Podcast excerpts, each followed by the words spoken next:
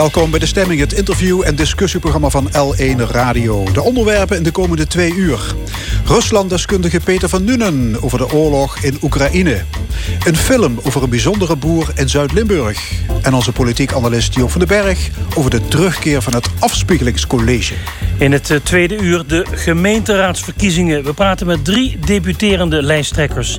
Een column van Nina Bokke en ons panel dat bestaat vandaag uit Monique Quint, Jan de Wit en Mark Hermans... om te praten over actuele zaken, veel Oekraïne dus. Tot één uur is dit De Stemming.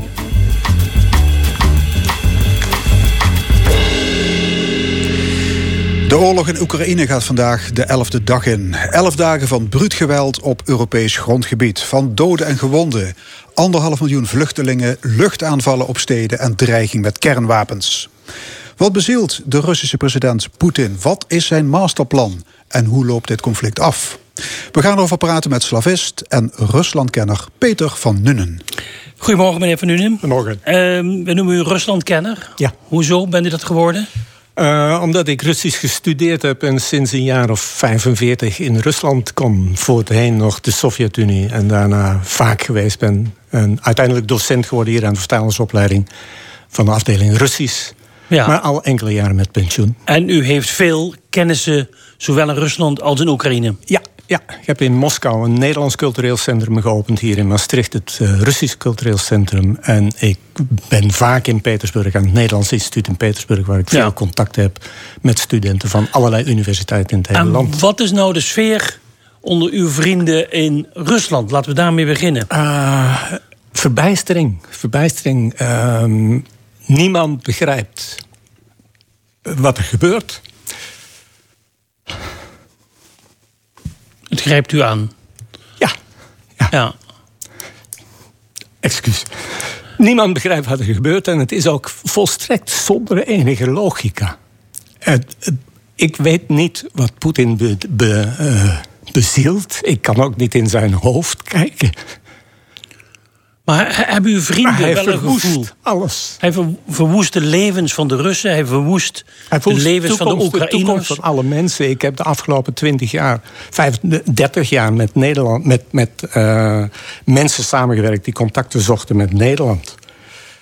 Uh, die een toekomst zagen in die uitwisseling van culturele contacten. Natuurlijk ook economische contacten, maar daar was ik niet mee bezig. Maar die culturele contacten. En die zijn helemaal vernietigd nu op dit moment. U ja. ziet dat alle, tot en met de Hermitage in Amsterdam, maar ook, ook mijn connecties met het Nederlands Instituut in Petersburg moeten worden afgebroken. Ja, maar wat, wat, wat, wat denken die Russische vrienden van u dan? Wat, wat Poetin bezielt. Ik bedoel, hij verwijst altijd naar de geschiedenis. Ja. Of is het gewoon, hij is niet meer goed in zijn hoofd?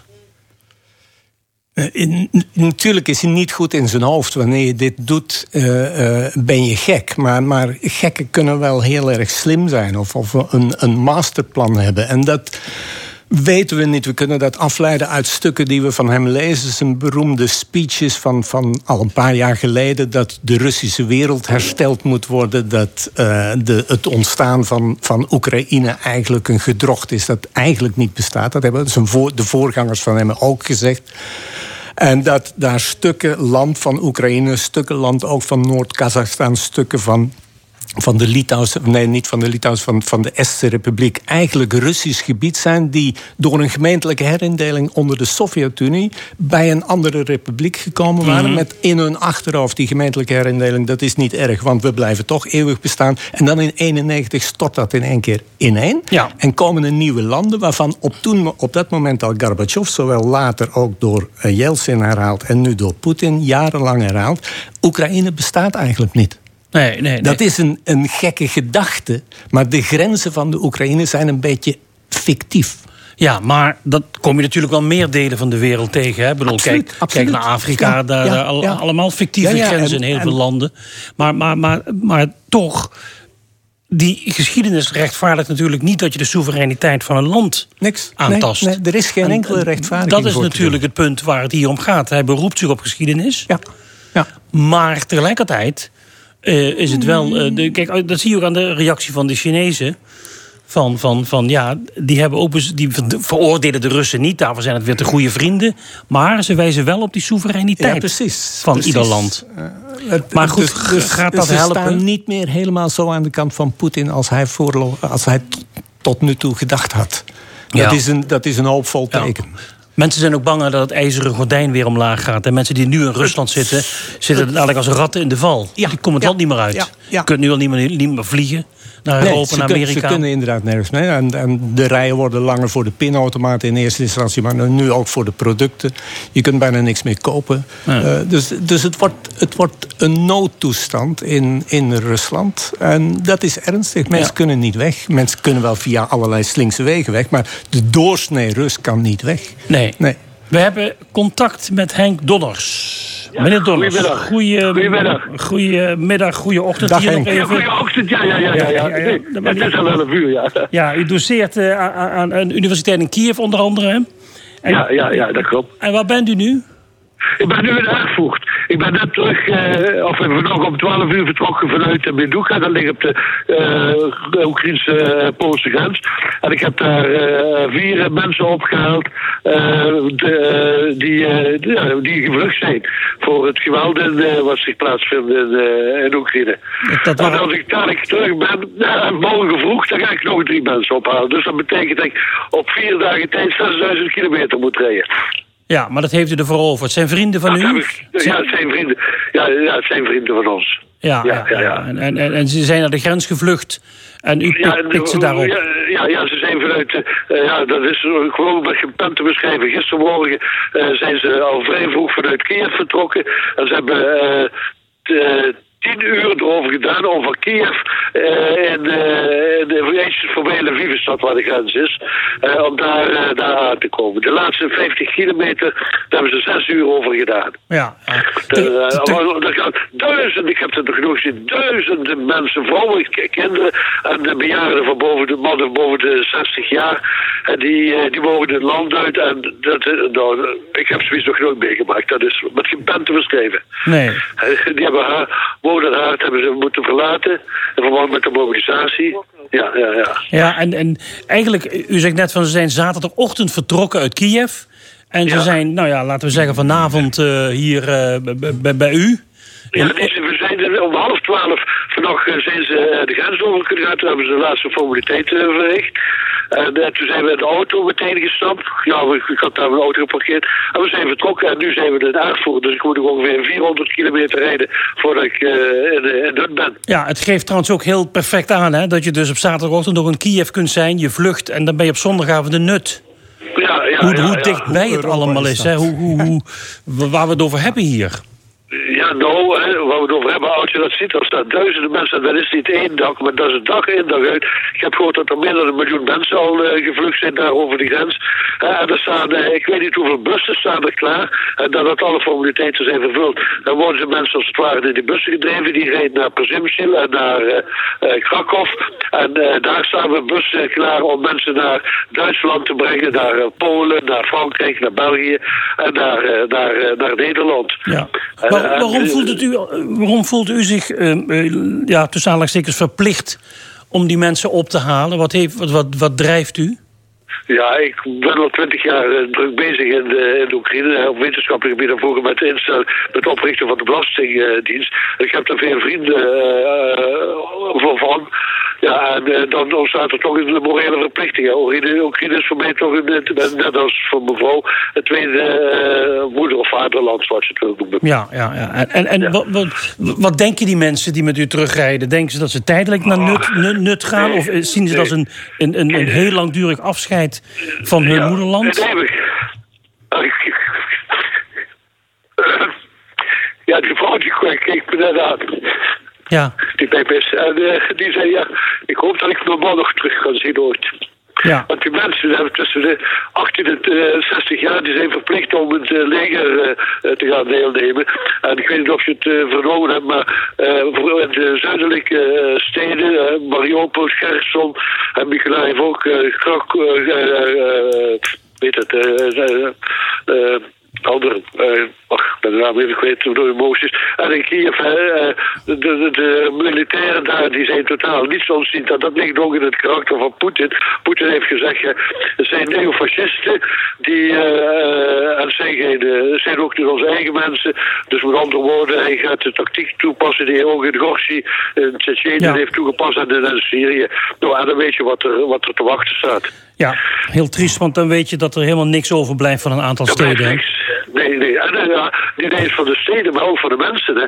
En uh, Poetin heeft ook gezegd, jullie krijgen de kans om uh, over te stappen naar Rusland, om je over te geven. Doe je dat niet, dan ben je een willig, uh, een willig hoe doen we dat, slachtoffer. Ja, ja. Met andere woorden, dan schieten we je dood. Goed, ja, precies. Ehm, u gaat terugrijden met de mensen die u uh, toch binnen deze vreselijke omstandigheden nog een beetje gelukkig heeft gemaakt door ze op te halen in elk geval. Ja, en dan gaat u. Ja, en gelukkig dat de Nederlandse regering heeft gezegd dat ze maximaal toch uh, drie jaar kunnen, kunnen blijven zonder uh, speciale formaliteiten. Ja, dat is in ieder geval. Uh, dat is geluk en ongeluk. Al gerucht, ja, ja, ja, ja. ja. ja. Meneer nou, ik. En, ja, en, ik ga meteen naar bed vanavond en morgen vroeg dan, of ja, morgen vroeg, morgen tegen de middag, want ik moet ook wat uitrusten, dan rijd ik door en dan, ik heb met die andere drie mensen afgesproken dat ik een dinsdagmiddag rond 12 uur uh, op de grens ophalen. Of daar, daar wachten ze dan ook mee. Meneer Donners, het is een prachtig initiatief. Nou, dank u wel. Succes. Goeie, goeie reis. Ja, dank u wel. Hè. En bedankt voor meeleven. Oké, okay, dag meneer Donners. Ja, dag. Hij is op weg uh, vanuit Polen, Poolse, Oekraïnse grens naar Nut met vier uh, vluchtelingen. En morgen haalt hij er nog uh, drie op. Ja, wat, meneer Van Ule, hier aan tafel, denkt u nou... wat, wat is nou de, de uiteindelijke strategie van, van, van Poetin? Waar gaat dit eindigen? Want dat is een vraag waar iedereen zich natuurlijk mee bezighoudt. Want het Russisch leger, dat dat waanzinnig sterk is... en waanzinnig veel wapens heeft, dat weet iedereen. Net wel op de, ja, maar die worden niet verstandig ingezet, lijkt het. Als ik nee, nu naar de, lijkt naar het. maar je zegt het goed, lijkt het. Maar, maar ze kunnen het wel lang niet, volhouden. Is natuurlijk, maar een kolonne van 60 kilometer, dat is niet die verstandig. Die kennelijk stilstaat omdat er gebrek is aan brandstof. Ja. Uh, waarvan ik begrijp, die werd al in Wit-Rusland tijdens de oefeningen verkocht in ruil voor brood omdat ze niet gevoed worden. Dus, dus allerlei waanzinnige verhalen over een slecht gestructureerd leger, weliswaar veel wapens. Ze hebben veel wapens en ze hebben veel manschappen. Ze hebben, het Russische leger bestaat uit. Ze hebben heel veel manschappen. En daar wordt wat slordig mee omgesprongen, om het, nee, om het neutraal te zeggen. Dat, ja. dat, en dat, dat is ernstig, ja. Maar dat betekent, als je daar slordig mee omspreekt, zoals u het noemt, kanonnenvoer.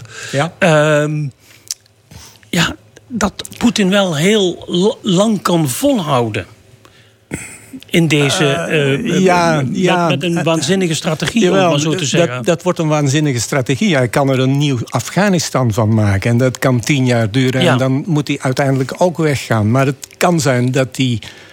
Uh, weet ik niet, dat, dat die escaleert. Hij dreigt met, met atoomwapens. Er zijn kennelijk ook tactische atoomwapens. Ik ben daar niet zo zeer in thuis, mm. maar dat je een havenstad of, of een klein stukje van een stad kunt bombarderen. En als hij escaleert door die te gaan gebruiken dan dwingt hij de tegenpartij misschien wel op de knieën. Dan dwingt hij de tegenpartij aan tafel. En dan komt daar iets uit waarmee je weg kan. Je moet misschien op dit moment denken aan... je moet hem een escape bidden. Hij moet, hij moet ja, weg kunnen, je, hij moet naar huis kunnen. Je, je moet een, een, een, tegenstander wel een achterdeur geven. Hè? Hij moet ja, op ja. een of andere manier weg kunnen komen. Maar, ik, ziet u die achterdeur? Uh, nee, nee, want we, we zullen Zelensky niet opgeven. Het, ik bedoel, het Oekraïense volk niet en het Westen zal dat ook niet nee. eisen van Oekraïne. Uh, ze zullen de Donbass niet opgeven. Ze zullen door blijven vechten. En dat betekent dat het een catastrofe wordt. Niet alleen voor de Oekraïners zelf, maar ook voor de Russen. En misschien een, een, een, mogelijkheid van Bloomberg, uh, de, die vanochtend een zestal mogelijkheden opzom. Ja, Eentje daarvan ja. was het persbureau. Eentje daarvan was uh, dat er uiteindelijk door die aantallen slachtoffers die uiteindelijk toch terugkomen in Rusland en, en die lijkenzakken die aankomen, als ze al aankomen, want mogelijk worden ze niet teruggestuurd, maar worden ze gewoon daar in Oekraïne begraven. Dus als die terugkomen, dat er een, een, een tegenbeweging in Rusland ontstaat die uiteindelijk zal zeggen, uh, Poetin moet weg. Die tegenbeweging, dat zijn dan hele dappere Russen, waarvan we er afgelopen maanden, uh, afgelopen weken uh, een paar hebben opgepakt zien worden. Maar dat kan alleen maar werken als er een miljoen of tien miljoen mensen op straat komen. Dat gebeurt niet. Dus er moet een interne paleisrevolutie plaatsvinden van mensen die rondom Poetin staan en eindelijk tot het besef komen van dit is waanzin. Ja, maar, maar, maar hij zijn er geen signalen dat uh, hij mensen om zich heen heeft die dat dat hebben. Maar goed, dat, dat, dat hebben, we moeten ook eerlijk zijn. We hebben daar geen goede kijk We op hebben daar natuurlijk. geen wat goede kijk op, binnen maar- het Kremlin nee. gebeurt. Want misschien zijn die bewegingen er wel. Maar wij kennen ze dan niet. Eh, Klopt. En er zijn ook wel situaties geweest waarbij ook een kernoorlog eh, nabij was. Maar dan moeten er toch een aantal mensen een beslissing nemen om op die rode knop te drukken. En dan is er ergens toch wel een generaal die zegt van nee, dit doen we niet. En ik hoop dat er zo'n generaal eh, in, in het Ja. Russische leger zit die zegt van nee, dit gaan we niet doen. Wat heel Maar- bijzonder is aan dit conflict... is dat eh, Europa, Amerika, Canada, Japan... Nou, dus een internationale coalitie eh, zeg maar, met, met- met, met sancties... maar dat ook het bedrijfsleven zich daar massaal bij aansluit. Ja, is dat wat- vind ik wel heel bijzonder, ja. omdat namelijk eh, een, een aantal bedrijven kan niet anders omdat ze onder die sancties vallen. Maar er zijn ook ja, kledingbedrijven of wat dan ook, die IKEA, Ja, die sluiten hun Russische winkels. Ze willen even honderden niets- winkels. En dat, dat is wel een, een heel ander soort drukmiddel eigenlijk. Ja, de bevolking. Dus- bevolking krijgt nu te maken met, met de, de, de effecten van de sancties. En van het, het, het isoleren van Rusland. En dat maakt dat de eh, bevolking getroffen wordt. Wat, wat mm, eigenlijk niet zo goed is. Ik bedoel, zij zijn het Nee. niet die die oorlog Maar ja, starten. de dat is is altijd een slachtoffer bij oorlog. Altijd, altijd. En dat zie je hier ook wel van. Dat klopt. Maar dat betekent ook dat er onvrede in de maatschappij wordt... en dat die stoel van Poetin wat wankeler kwam Ja. te staan. Dat Ja. heeft tot gevolg dat hij ofwel eerder kan vertrekken... ofwel dat hij rigoureuzere maatregelen gaat nemen... Mhm. Dat hij inderdaad dat ijzeren gordijn laat zakken... En de hele bevolking in de Want het neemt. effect op de bevolking van dit soort maatregelen in het Westen... eh, dat zal veel groter zijn dan het financiële aspect. Hè? Want eh, het is natuurlijk heel wrang. Maar er gaat elke dag, elke dag 600 miljoen dollar naar Rusland... voor olie- en gasleveranties. Ja. Dus het regime heeft geen gebrek aan geld. Jawel, maar ze geven wel veel uit. Ja, De- dat weet ik. Maar de- 600 miljoen per dag is ook een hoop. Jawel, maar ze geven anderhalf miljard uit aan de, aan de oorlog die het kost. Ze, ze kunnen Dus de, drie de, dagen. grote, de grote staatskas van, van, van Poetin, eh, de eh, oorlogskas, die is voor meer dan de helft afgesloten. Daar kan hij niet bij. Dus hij zit wel in het nauw. En Mhm. Ja. waar hij zich vooral zorgen om maakt, denk ik, is dat hij gedacht had dat Europa verdeeld zou zijn. Eh, Verenigde Staten niet. Ja, maar de is- hele is- wereld is ja. één front geworden. En hij heeft gedacht dat, hij, dat de Russische tanks in Kiev en in andere steden verwelkomd zou worden. En dat daar mensen met vlaggetjes zouden staan bezwaaien. Omdat. En dan begint zijn waanidee weer. Want er zijn, natuurlijk zijn er wel uiterst rechtse mensen in Kiev. En is Maar er een neofascistische beweging. Maar het is niet zo dat de regering geleid wordt door fascisten. Nee. Door neonazies. Absoluut niet. Peter van Nieuwen, dankjewel voor je komst naar eh, de stemming. Dank u wel. Ja, en zo meteen in de stemming iets heel anders. De documentaire De Toekomst van het Hemelrijk over een kleinschalige boer in Zuid-Limburg. Na dit nummer van de Amerikaanse band Deep Blue Something, Breakfast at Tiffany's.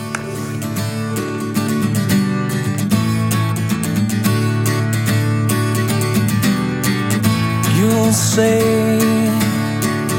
we've got nothing in common, no common ground to start from, and we're falling apart. You'll say the world has come between us, our lives have come between us. Still, I know you just don't care.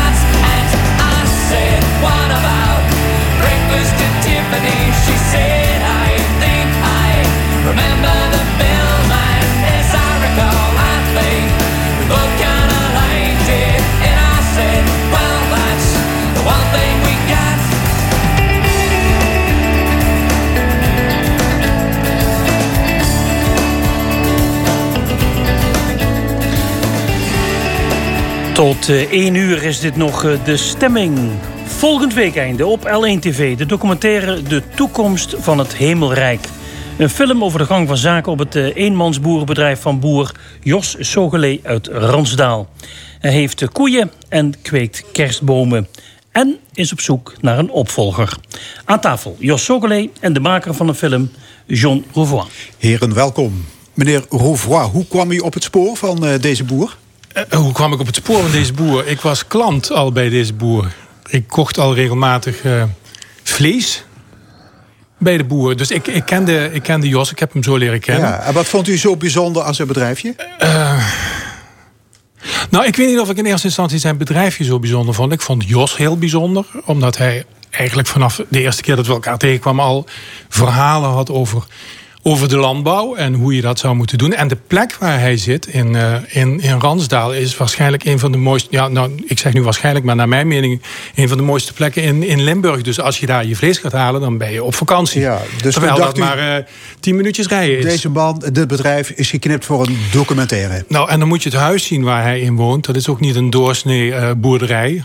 Dat heeft hij volgens mij laten ontwerpen door een eh, award-winning eh, architect. Ja, met heel veel glas en Met- hout volgens mij. Ja, dat het ziet er mooi eh, uit. Meneer Sogelé, wat, wat dacht u toen hij met dat verzoek op de proppen kwam? Ik dacht, man, wat kom je hier doen? Dan dacht ik, is er niks speciaals aan? Het is toch gewoon wat, je iedere dag, wat ik iedere dag doe? En toen zei hij, ja, weet je wat, laat me gewoon eens wat klooien... en dan zien we wel waar we uitkomen. Nou, oké, dat daar kon ik wel in leven. Laat me maar wat klooien, dan zien we wel waar we Ja, uitkomen. en, en kreeg je carte blanche of heeft hij nog bepaalde voorwaarden gesteld? Nee hoor, ik stel geen voorwaarden. Nee? Nee. Hij mocht alles filmen, Hij mag alles vragen. filmen. Hij mag alles filmen en alles vragen. Oké. Ja. U heeft eh, 30 vleeskoeien Ja. en 70.000 kerstbomen. Dat is kennelijk voldoende om uw brood mee te verdienen. Als je dat op deze u gaat niet naar de dat- voedselbank met zo'n nee, huis. Als je, dat op deze manier, eh, als je het op deze manier doet, is dat voldoende om, eh, om eh, je brood te verdienen, ja.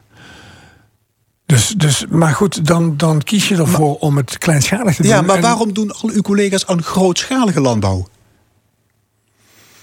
Dat wordt, eh, met name wordt dat denk ik ook onderwezen, dat dat heel belangrijk is. Hè. Eh, Eigenlijk wordt de landbouw onderwezen in, in eh, kosteneffectief eh, produceren. Hè. Iedere keer kosteneffectief. En als je dat iedere keer doet, dan wordt het vanzelf grootschaliger. Maar je kunt ook kijken naar hoe kan ik eh, dichter bij die klant komen en hoe kan ik opbrengsteffectief werken. En dan zit je veel dichter bij die klant en dan hoeft het niet zo groot te zijn. Ja, en u heeft ook geen last van strenge regels op het gebied van stikstofuitstoot, melkquota, mestoverschot. Ik geen leningen van de bank die als een molensteen om uw nek hangen. Ah, de bank is een goede vriend, maar het is geen modesteen. Maar eh, eh, nee, met, met, met, eh, je, je loopt natuurlijk als een klein bedrijf veel minder tegen de grenzen aan dan, dan een eh, veel makkelijker. groter bedrijf. Ja, is makkelijker. Ja, u zegt in de film, ja, alles in de landbouw moet groot zijn. Het aantal koeien, de tractoren, de opbrengst, alles groot. Mhm. Dus landbouw enkel gericht op omzet en productie, dat is niet uw pakje aan. Nee, nee, dat, is, eh, dat, is, dat, is, nee, dat is echt niet mijn ding. Maar toch zegt u in de film, ik ben geen lichtend voorbeeld. Of is dat Nou, ironisch omdat, bedoeld? omdat, omdat, men- omdat mensen gewoon het, het idee van dat grote hebben.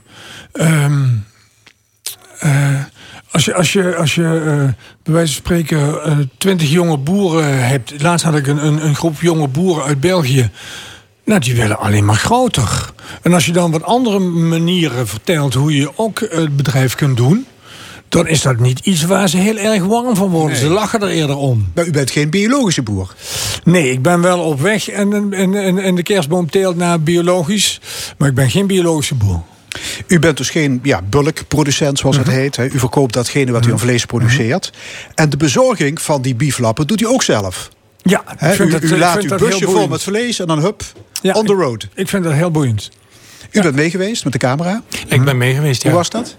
Eh, ja, dat is heel leuk. Het is net als vroeger. Hè? Dan komt de slager aan de deur. en nee, maar waar het om gaat is natuurlijk dat hij, hij, heeft, hij heeft een hele persoonlijke band met zijn klanten.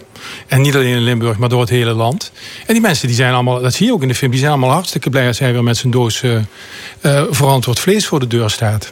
En dat is, dat is, dat is ja, ja ik, ik, ik wilde bijna zeggen, dat is niet meer van deze tijd. Maar dat wordt dus weer van deze tijd, denk ik. Hmm, dat heeft de toekomst. Dit soort kleine, Dat denk ik wel. Een van de redenen waarom ik het interessant vond om de film te maken... is dat Jos een voorbeeld is van, van, van, een, van een manier van bedrijfsvoering... eh, die, die laat zien dat je klein kunt zijn en ook rendabel... en goed voor natuur en milieu. Oké, dus eigenlijk Wat is het een soort propagandafilm. nou, dit is geen propaganda maar ik vond het wel spannend toen hij begon te vertellen dat de jonge mensen, waarvan ik dacht van ja, maar als die dit zien, dan staan ze in de rij om dit te doen, dat die ook nog steeds heel veel bedenkingen en obstakels hebben. En, en dat, dat, is wel, ja, dat is wel vreemd. En toen ik daarachter kwam, toen ben ik me er meer in gaan verdiepen. En ik denk dat de film nu ook laat zien dat structureel zit er natuurlijk een hele hoop eh, mis in de landbouw. Meneer Zogelé, uw andere tak van sport is de kweek van kerstbomen. U heeft er zo'n 60, 70.000. Hè, Die boompjes die zijn vier jaar oud als ze worden geplant. En dan moet u nog eens tien jaar wachten. Ja. Pas dan zijn ze geschikt voor Ja. de huiskamer. Ja, dan zijn ze 2,5 meter hoog. Is dat trouwens kleinschalig? 60, 70.000 Dat is dollar? heel kleinschalig. Dan, Oh. heb, je, dan heb je het over eh 6, 7 hectare kerstbomen. Dat is, ni dat is Ja, en, niks. en daar koken ze, niks. zijn ze twintig keer zo groot, hè, die dat, lappen. is, dat is niks. Ik bedoel, eh, eh, we zijn wel eens met de kerstboomvereniging op excursie geweest. Het grootste bedrijf had er 2000 hectare. Dus eh, Nee, oké. Best Maar, maar een ander punt. V- 14 jaar groeien voor drie weken plezier. Is dat duurzaam? Nou, ik denk het wel. Want eh, in het landschap is het natuurlijk heel mooi en heel divers. Hè? Dus sinds, eh, sinds een jaar of zes, zeven lopen er nu ook reeën door, eh, door de kerstboompercelen. Dus dat is, dat is nieuw. Daarvoor heb ik die nooit gezien. En er zijn dingen in het leven die, kort, die veel korter duren dan drie weken. En die vergeet je toch nooit. En die brengen veel plezier. Dus jongens, waar hebben we over? Ja, iemand zegt over de film veel zingen. Daar blijven de naalden hangen. ja. ja. Ja. Hey, u heeft dat perceel eh, kerstbomen van 20 hectare gefilmd. Ja. Vanuit de lucht. Ja. Met een drone neem ik aan. Ja. Omdat dan de impact beter zichtbaar is. Ja, ja dat, dat als filmmaker was, is de plek als je daar komt, dan wil je meteen met een drone overal overheen vliegen, omdat het gewoon fantastisch uitziet. Maar ook natuurlijk om de schaal te laten zien. De film gaat over schaal, over schaal in de landbouw. En, en ik had dezelfde reactie als jullie in eerste instantie toen hij zei van hoeveel kerstbomen, dacht ik dat dat veel was. Ja. Nou, ik weet inmiddels ook beter. Maar het, ja, het is mooier om, om eroverheen te vliegen natuurlijk. Dan, dan zie je het extra goed. Eh, uw boerderij in Ransdaal, meneer Zogele, die staat er al 110 jaar. Uw vader was daar boer, uw grootvader was daar boer. En u zoekt ook weer een opvolger. Ja. U bent pas 60. Is dat niet wat vroeg om... eh, Nee, maar goed, te zo- kappen. zo- nee, nee, nee, ik wil helemaal niet kappen. Abs- absoluut niet. Eh, tussen opvolger zoeken en kappen is een, is een wereld van verschil. Wat- wat is het verschil? Het, het, het zoeken van een opvolger dat duurt eh, toch gauw een jaar of vijf, zes, misschien wel tien. Hè? Want je hebt een, een, een, een gedeelte eh, vermogensoverdracht wat je moet doen. Daar heb je gewoon tijd voor nodig. Ik verwacht niet dat er iemand aan de deur staat en die zegt: Ik, ik koop het. En dus, dus daar heb je gewoon. eh, Oh, een hele dat zo ging, ook bij boerderijen. Van hier heb je een bedrag en klaar bij is boer- Kees Bij en boerderijen is dat niet. Zeg maar in de normale boerderij, ook bij, bij vader-zoon opvolging. Dat zijn maatschappen die duren tien jaar. En dan, lopen, en dan heel langzaam eh, valt het vermogen naar die jonge man toe. Of jonge vrouw. Dus, dus eh, dat zijn gewoon trajecten. Dat is niet, je koopt niet een schoenwinkel en, en overmorgen heb jij je blauwe nee, schoenen. nee, dus jij blauwe u wilt er gewoon op tijd mee beginnen. En, Ja. ja. ja, goed. Ik hoop u dat krijgt, ik tot eh, 75 kan blijven ja, doorklooien. u krijgt in de film bezoek van ene Michel van Hulten, 91 jaar. Die zoekt een plek om vijf oud-hoogleraren. Die willen daar werken of zoiets. Het is me niet helemaal duidelijk wat die man nou precies Oud van plan is. hè? Ja, precies. Ja, ja. Eh, nou, hij, hij, hij, eh, zij waren eigenlijk wel aan het zoeken, inderdaad, om, om met vijf eh, emeritus hoogleraren eh, nog de laatste dagen samen te slijten. En ook een soort centrum te vormen voor eh, jonge studenten en jonge lui. En ze hadden dat al in, in, in, in Rijms hadden ze dat geprobeerd te realiseren. En, dat, en dat was op een boerderij waar een aantal ziets waren. En dat, dat, leek, dat leek heel makkelijk te gaan. En toen hadden zij daar een boer bij gezocht. En dus vandaar tot, zij, tot in hun, hun, hun beeld het eh, langzaam een boerderij werd... waar zij dan terecht konden gaan. Ja. Zo. ja, het is inderdaad die oud-staatssecretaris Ja, ja, ja. van het kabinet Den Uil. Ja. Van de PPR. Hè? Toen PPR, nog. wat is dat? Nee. PPR. Ehm, maar dat wordt nergens gezegd in die film. Nee, nee, eigenlijk... eh Ging je ervan uit, dat weet toch niemand? Of, eh, Nou, nee, dat, ja, ik heb dat eruit gehaald. Op een bepaald moment. Want in het begin, toen ik die opnames had, toen, toen, eh, to- toen waren we erover. Ja, dat moet je melden. En dan zie je hem aankomen op het stationnetje van, eh, van, eh, van Klimmen. En, en uiteindelijk heb ik het eruit gehaald. Ja, waarom eigenlijk? Eh, omdat, omdat ik dat niet zo, eh, eh, zo, zo, belangrijk vond. Want ja, dan ga je zitten adverteren met dat iemand nog een hele interessante achtergrond heeft. Waar het hem om ging. En wat ik belangrijk vond. Hij zegt in de film ergens eerder van ja, het moet waarschijnlijk een of andere rare zij-instromer zijn die hier op mij afkomt. En wat gebeurt er dan een paar weken later? Ik laat mij ook maar verrassen bij het maken van zo'n film door, de, door wat er in ja, werkelijkheid dan komt er een Krijgt rare zij-instromer. Krijgt, krijgt hij een zij-instromer van 92 op zijn pad. met. Met, een, in- met een inhoudelijk idee wat natuurlijk niks te maken heeft met zijn achtergrond. Wel, zijn achtergrond binnen de universitaire wereld. Ja. U werkt ook niet met voice-over, zoals dat heet. Dus u kunt die informatie ook niet, Nee, niet ik- ik kwijt. En dat heeft u niet eh, gedaan ik, vanwege eh, vormtechnische Ah, absoluut. Nee, ik, vind, ik, niet ik, mooi? ik ben allergisch voor voice-overs. Ik vind dat, dat je het zo moet monteren dat het verhaal zichzelf vertelt. Nou ja, fly on the wall. Gewoon kijken wat er gebeurt. Ik, ik roep steeds, ik ben er niet, ik ben er niet. En dat geloven ze. ja. Wat is de stand van zaken rond de opvolging? Nou, er is, er is, een, een, een nieuw stel die, eh, die geïnteresseerd is. En daar zijn we heel, heel pril, maar verwachtingsvol. Ja, mensen de gangbare landbouw? Of Ja, wilt deze u mensen die komen niet uit op de gangbare landbouw en die zijn eigenlijk... Die jaagt u niet van uw erf af van de gangbare nee, landbouw? Nee, deze zijn door corona hebben zij hun eh, oorspronkelijk bedrijf moeten staken. En, eh, en zij willen toch iets in de landbouw. Ze willen toch verder in de landbouw. Trouwens, u heeft een tijdje geleden een documentaire gemaakt in de Oekraïne. Ja. Eh, opera in Sharkov. Die wordt vanavond herhaald bij de landelijke omroep. Waar gaat die film over? Die film eh, die gaat over een operagezelschap in Kharkov. Dus de stad die nu eh, zwaar onder ja, aangevallen wordt. Ik volg in die film een Nederlands artistiek team... dat daar ter plekke met muzikanten uit Kharkov, uit Oekraïne...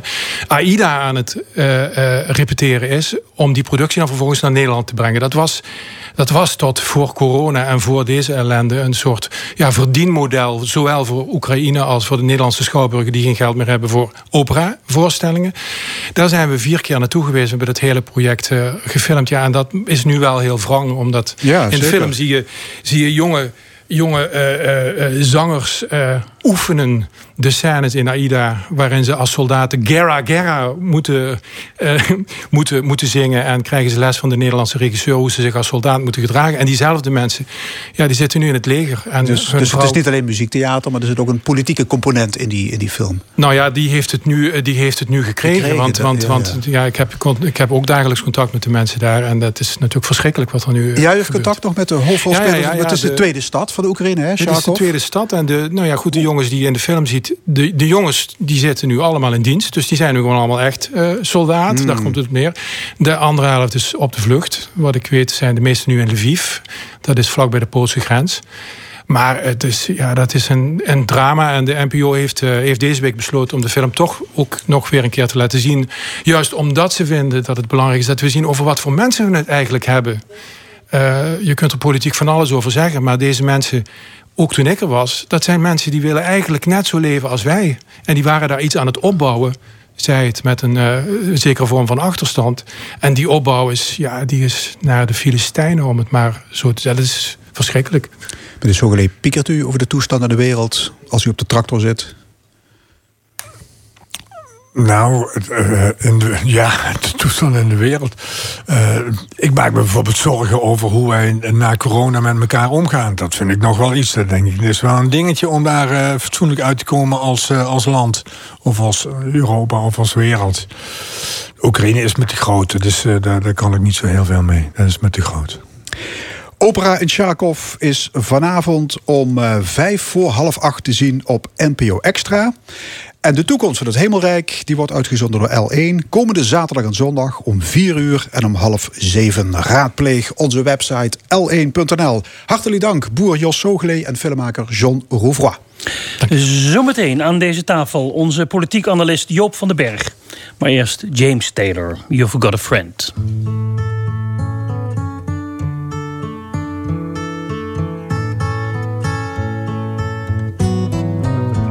When you're down and troubled and you need a helping hand and nothing, well, nothing is going right. Close your eyes and think of me, and soon I will be brighten up even your darkest night. You just call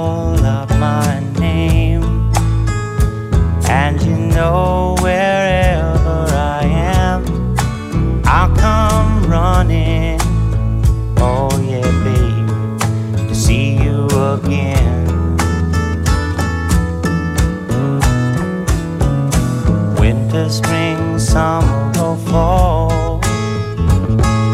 Now all you got to do is call, and I'll be there. Yeah, yeah, yeah. You've got a friend.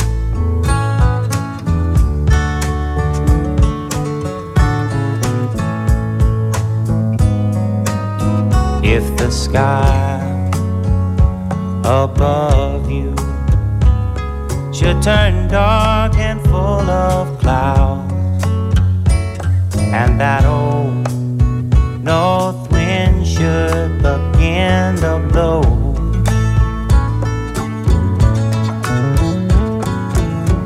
Keep your head together and call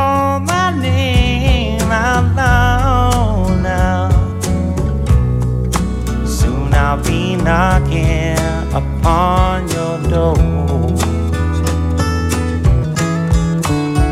You just call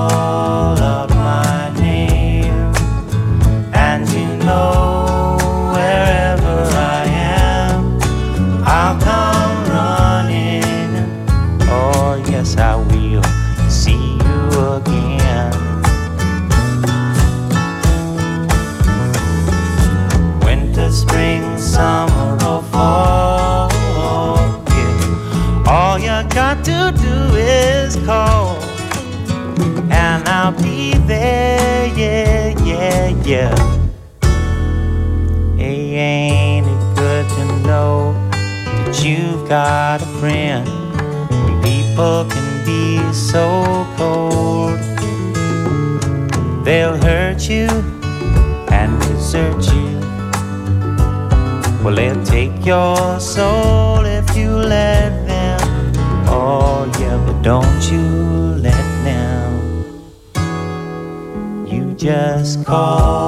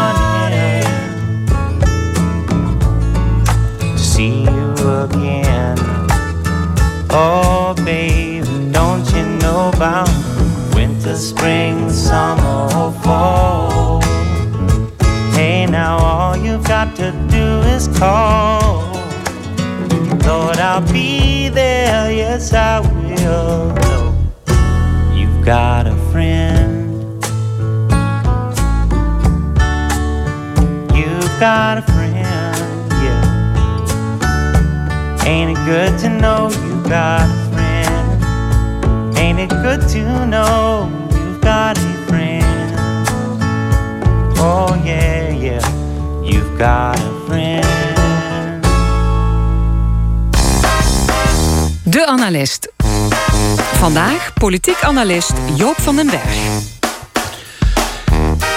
Goedemorgen Joop. Goedemorgen. Eh, over anderhalve week zijn de gemeenteraadsverkiezingen. 16 maart. Maar ook maandag en dinsdag zijn de bureaus geloof ik ook al open. Open, ja. Het, het, het, het feest van de gemeentelijke eh, democratie. En dan zijn er nog, eh, er zijn nog een hele hoop partijen die willen meedoen aan dat feestje dit keer. Maastricht bijvoorbeeld, spant de kroon denk ik in Limburg. 23 lijsten op het stembiljet. Maar ook in andere gemeenten zie je veel, veel partijen op het formulier staan. Ehm, is dat positief? Eh, nee, ik denk het niet. Dat wil zeggen, eh, iedere partij op zich, dat eh, is natuurlijk in principe een verrijking van de democratie. Dat moeten we maar aannemen. Maar het resultaat, daar word je niet gelukkig van. Omdat ja, bijna overal gemeenteraden ontzettend versnipperen. Ehm, en dat maakt het ja, vormen van een goed functionerend college van BMW maakt dat heel moeilijk. Het verzwakt tegelijkertijd ook eh, kennis en inzicht bij de raad. Want als je een flinke fractie hebt, dan kun je ook taken verdelen. Eh, je kan in de stad of in, in, in een kleinere gemeente ook je kennis ophalen. En nu zit je er iedere keer met hele kleine fracties. En dat betekent in de praktijk dat het college van BMW ontzettend dominant wordt. Ja, ja. Eh, en Eigenlijk dat, kwaliteitsverlaging ja. In het controlemechanisme van de In het raad. controlemechanisme, ja, we- we richt je echt, eh, denk ik, per saldo schade aan. Ehm, met alle eh, oog voor de kwaliteit van individuele raadsleden. Maar ze zijn individueel en op zichzelf aangewezen. Ja, en een dag heeft ook maar 24 uur. Ja, en wat je ook ziet, en dat is hier in Limburg eh, minstens zo sterk als in andere provincies, dat de versnippering tijdens de periode van de raad doorgaat. Eh, eh, want eh, vooral bij nieuwe partijen zie je ja. al heel snel dat die clubjes uit elkaar vallen. Omdat ze vooraf dachten het allemaal heel goed samen geregeld te hebben. Maar het bleek dat ze helemaal niet met elkaar overweg konden. Ze hebben missen ook, wat, wat oudere partijen natuurlijk wel hebben. Ook oudere lokale partijen trouwens hoor. Een, een soort van training in ja, waar ga je wel ruzie over maken onderling en waar niet. Ja, ja. en Pick your battles. Ja. Maar, maar, maar natuurlijk, ik- het is ook niet erg democratisch om te zeggen van eh, eh, eh, liever minder partijen. Nee, die, dat die is meedoen. dus met andere ja. woorden, het is wel een, een nee, je moet iets waar je ermee niet doen. vanaf Ja, precies. je, moet het ermee doen. Maar je moet wel hopen dat er nog een paar partijen van enig omvang overblijven. die als het ware de leiding kunnen nemen.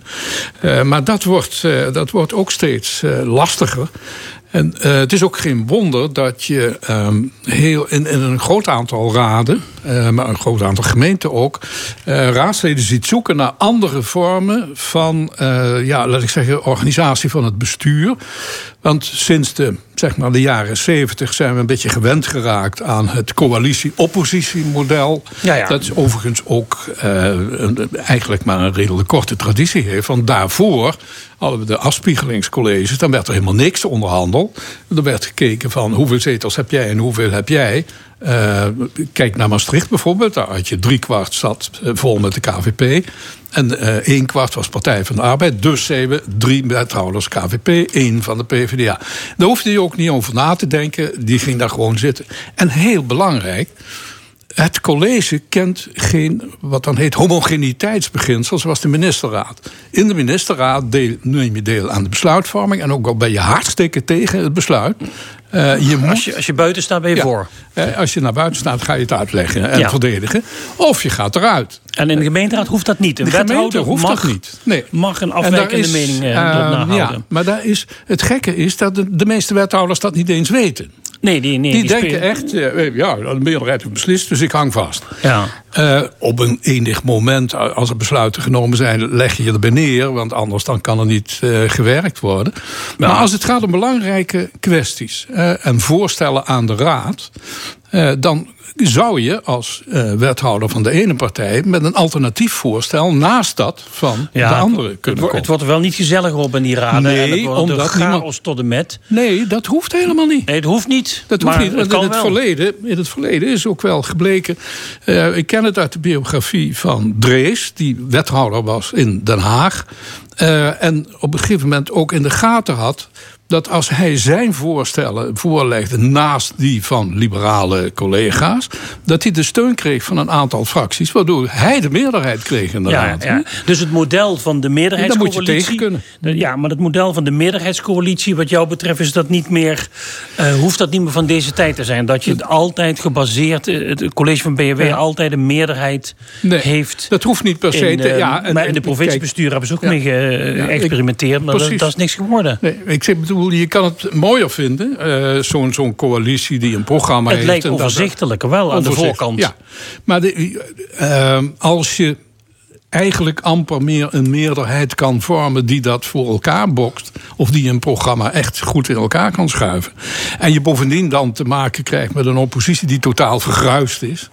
Dan moet je je toch gaan afvragen: hebben wij geen andere eh, methoden om toch te garanderen dat die stad of de, de gemeente fatsoenlijk bestuurd wordt? Eh, en je ziet daar ook experimenten mee op gang komen. Eh, en ik weet niet of ze haalbaar Maar jij zijn. denkt nu wel maar- meer in kwaliteit dan in machtsverhoudingen. Ja, En- maar en dat, is natuurlijk heel mooi als je professor bent. Maar Nee. in die raad wordt natuurlijk altijd nagedacht over macht. Dat dacht je maar. Dat dacht je maar. Eh, dat, in grote gemeenten zal dat zeker het geval zijn. Maar in kleine eh, gemeenten hebben we, eh, is er natuurlijk, zeker wanneer mensen elkaar goed kennen. is dat veel minder het geval. Blijkt ook dat het persoonlijk vertrouwen tussen mensen onderling volstrekt bepalend is voor de vraag of die gemeente netjes en, of minder netjes bestuurd wordt. Dat is dus niet helemaal een kwestie van pure macht. Dat is eigenlijk in de jaren 70 overgenomen van het landelijk eh, patroon. En dat heeft natuurlijk ook eh, gewerkt, een groot aantal jaren. Maar je moet nu denken, eh, kunnen we ook nog alternatieve vormen vinden? Dus bijvoorbeeld een, een akkoord over het proces van besluitvorming. Bijvoorbeeld een akkoord van, waarbij partijen weten, luister eens, het moet mogelijk zijn voor individuele wethouders om een alternatief aan de raad voor te stellen. En dan moet de raad niet zenuwachtig van worden. Wel, Ze moet gewoon de keuze maken. Da- Daar zou je wel degelijk eh, het een en ander over kunnen afspreken. En dan gaat een college toch weer een beetje lijken op wat het vroeger was. Namelijk, eh, eh, dat ik zeg, de grootste partijen leveren eh, de wethouders. En eventueel samenwerkende kleine partijen, maar dat moeten ze dan wel doen. Die vormen allianties en zeggen: oké, onze wethouder is deze. Eh, We gaan het ja, ook nog even hebben over het geld. Ja, de centen. Eh, Joop, gemeenten draaien vooral op geld van het Rijk. hè, Zo'n Ja. 62 procent. Dat komt voornamelijk uit het zogenoemde gemeentefonds. Eh, jij bent hoofddirecteur geweest van Ja. de VNG, de Vereniging van Nederlandse Gemeenten. En Ja. daar werkte toen iemand en die sprak over kleedgeld, zakgeld en een krantenwijk. Ja, ja. Wat is dat kleedgeld? Nou, laten we beginnen met het zakgeld. Want Ook je hebt het over het gemeentefonds. Eh, dat is de, de, de, de hoofdinkomsten van een eh, gemeente. En dan hangt het een beetje van het soort gemeente af hoeveel het, eh, het is. Maar dat is eh, het zogenaamd vrij besteedbaar inkomen van een gemeente. De zong is helemaal niet zo vrij, want ze moeten aan allerlei wettelijke voorschriften voldoen die allemaal geld kosten. En die ze dus mooi uit dat gemeentefonds uitkering kunnen betalen. Maar goed, in principe is dat vrij. Tweede is kleedgeld. Zo- Zoals mijn oude directeur Financiën dat noemde. En daarmee bedoelde hij specifieke uitkering. Je kan, eh, als je bepaalde activiteiten eh, uitoefent, kan je daarvoor eh, in het bijzonder middelen krijgen. De hele bijstandsuitkering komt volgens mij nog steeds uit een specifieke uitkering. Dat is overigens wel een enorm deel van wat de gemeente aan specifieke uitkering krijgt. Ja. Hè, maar enfin, zo zijn er ook. ik bedoel, een minister heeft het in zijn hoofd gehaald om allerlei milieuactiviteiten te, promo te promoten. En is dan bereid om te zeggen: als jullie dat gaan doen, dan heb ik daarvoor een afzonderlijke uitkering. Oh, Oké. En de laatste, ja, zeg maar 50 jaar zijn gebruikt om dat een beetje in te krippen. Want er is een tijd geweest dat het gemeentefonds een derde was en twee derde specifieke uitkering van dat rijksinkomen. Dus daar eh, willen we een beetje van terug. Eh, en Ja. dat is ook in de loop van de jaren wel geslaagd. En dan wat is het krantenwijk, het krantenwijkje? Ja, en dan heb je het krantenwijkje. Dat is dus je eigen inkomsten die je zelf eh, ophaalt eh, als gemeente. Het belangrijkste is uiteraard eh onroerend zaakbelasting. Maar daarnaast heb je nog wel andere heffingen en prijzen enzovoort.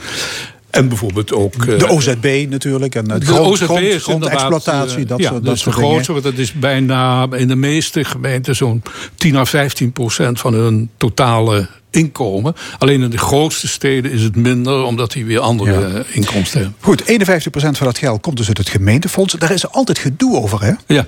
Er zijn altijd gemeenten die vinden dat ze worden afgeknepen. Ja. Is het zo lastig om een goede verdeelsleutel te maken? Ja, dat is wel lastig. Maar en ze, daar zijn we overigens internationaal vergeleken eigenlijk heel goed in. Eh, maar de maatstaven, het zijn er nu wel heel veel en ingewikkeld.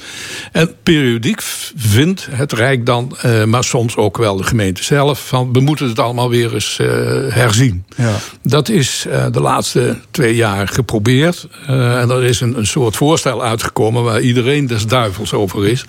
Omdat het eh, bijvoorbeeld arme, arme gemeenten armer maakt. En rijke gemeenten rijker. Eh, en dat kan de bedoeling niet zijn. Ja, er zijn juist- 60 criteria, geloof ik. ja, hè? ja. Het is juist de bedoeling om eh, gemeenten ongeveer dezelfde bestedingsmogelijkheden te geven, ongeacht hun omvang Ja. eh, en het aantal inwoners. Dus. En dat, enfin, ze zijn dus weer met een hervorming bezig. Maar daar komen nog een aantal dingen bij. Het Rijk heeft op een gegeven moment, eh, laat ik zeggen, inkomsten die relevant zijn voor de stijging of daling van het gemeentefonds, heeft ze aan dat gemeentefonds onttrokken. Dat wil zeggen, dat- dat geldt dan niet. Eh, en wat ook gebeurt, eh, er is een volkshuisvestingsfonds nu opgericht. Want ja, iedereen weet dat er nu echt eh, fors gebouwd moet worden. Wat doen ze? Dat halen ze uit het gemeentefonds.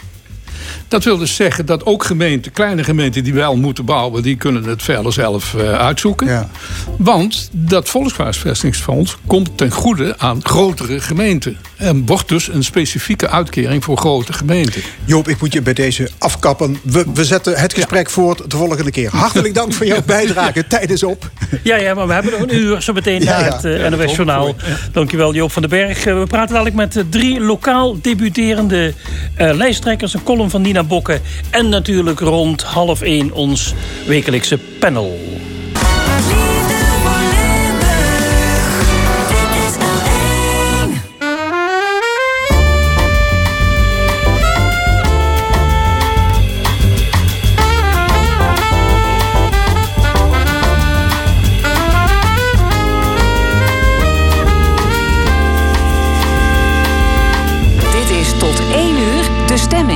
Fons Geraerts en Leo Houden. Opnieuw welkom bij de stemming. Wat allemaal in de tweede en laatste uur. Het panel met Monique Quint, Jan de Wit en Mark Hermans... dat discussieert over de oorlog in Oekraïne en andere actuele zaken. Een column van Nina Bokke, maar eerst de gemeenteraadsverkiezingen. En die vinden plaats eh, volgende week woensdag 16 maart. En dat is over anderhalve week dus. In deel 3 van onze serie over de verkiezingen... stellen we drie kandidaten aan u voor. Drie lijsttrekkers nog wel. Lin Rulkens van de Partij van de Arbeid in Roermond... Jules Ortjens van Volt in Maastricht... en Marc Chalier van Lokaal Alternatief in Kerkrade. Welkom alle drie. Eh, ik heb sterk de indruk dat de verkiezingen worden overschaduwd... door de oorlog in Oekraïne. Lin Rulkens, klopt dat? Nou, dat is wel eh, wat we horen op straat. hè. We zijn eh, eh, eigenlijk vanaf de carnaval volle bak bezig met eh, de campagne. En veel van de gesprekken op straat gaan eh, over de oorlog in Oekraïne. Eh, desalniettemin eh, is dit het moment, zijn deze verkiezingen het moment eh, om de democratie te vieren. Eh, iets wat in eh, Oekraïne op dit moment enorm onder druk staat. En dat is dan ook volgens mij ehm, nou, de reden dat mensen wel moeten gaan stemmen. Hè? Jules. Ortjes, Volt. Staat de campagne op een lager pitje? Ehm, absoluut niet. Voor mij persoonlijk is het wel moeilijk. Ik heb een jaar in Rusland gewoond. Dus ik ken ook eh, veel eh, Oekraïners persoonlijk. Ehm, en we hebben natuurlijk veel eh, leden uit Volt Polen... Die, die echt heel direct te maken hebben met de vluchtelingencrisis. Ah, ja, dit is natuurlijk voor ons echt een reden, zoals net werd gezegd...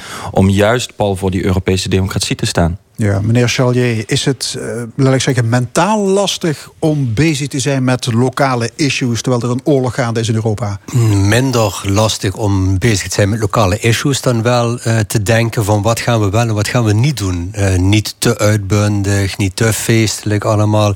Normaal zie je heel vaak bij, bij flyeracties dat er hele vrolijke muziek en heel uitbundige mensen. En ik denk dat we proberen dat ook een beetje ingetogener te houden. Maar inderdaad, ja, zoals de vorige sprekers al zeggen, het moet zeker eh, aandacht zijn voor de democratie in Nederland. Ja, Linde Rulkens, u bent de lijsttrekker van de PvdA Roermond. Uh, u heeft nooit eerder in de raad gezeten, dus dit wordt een sprong in het diepe.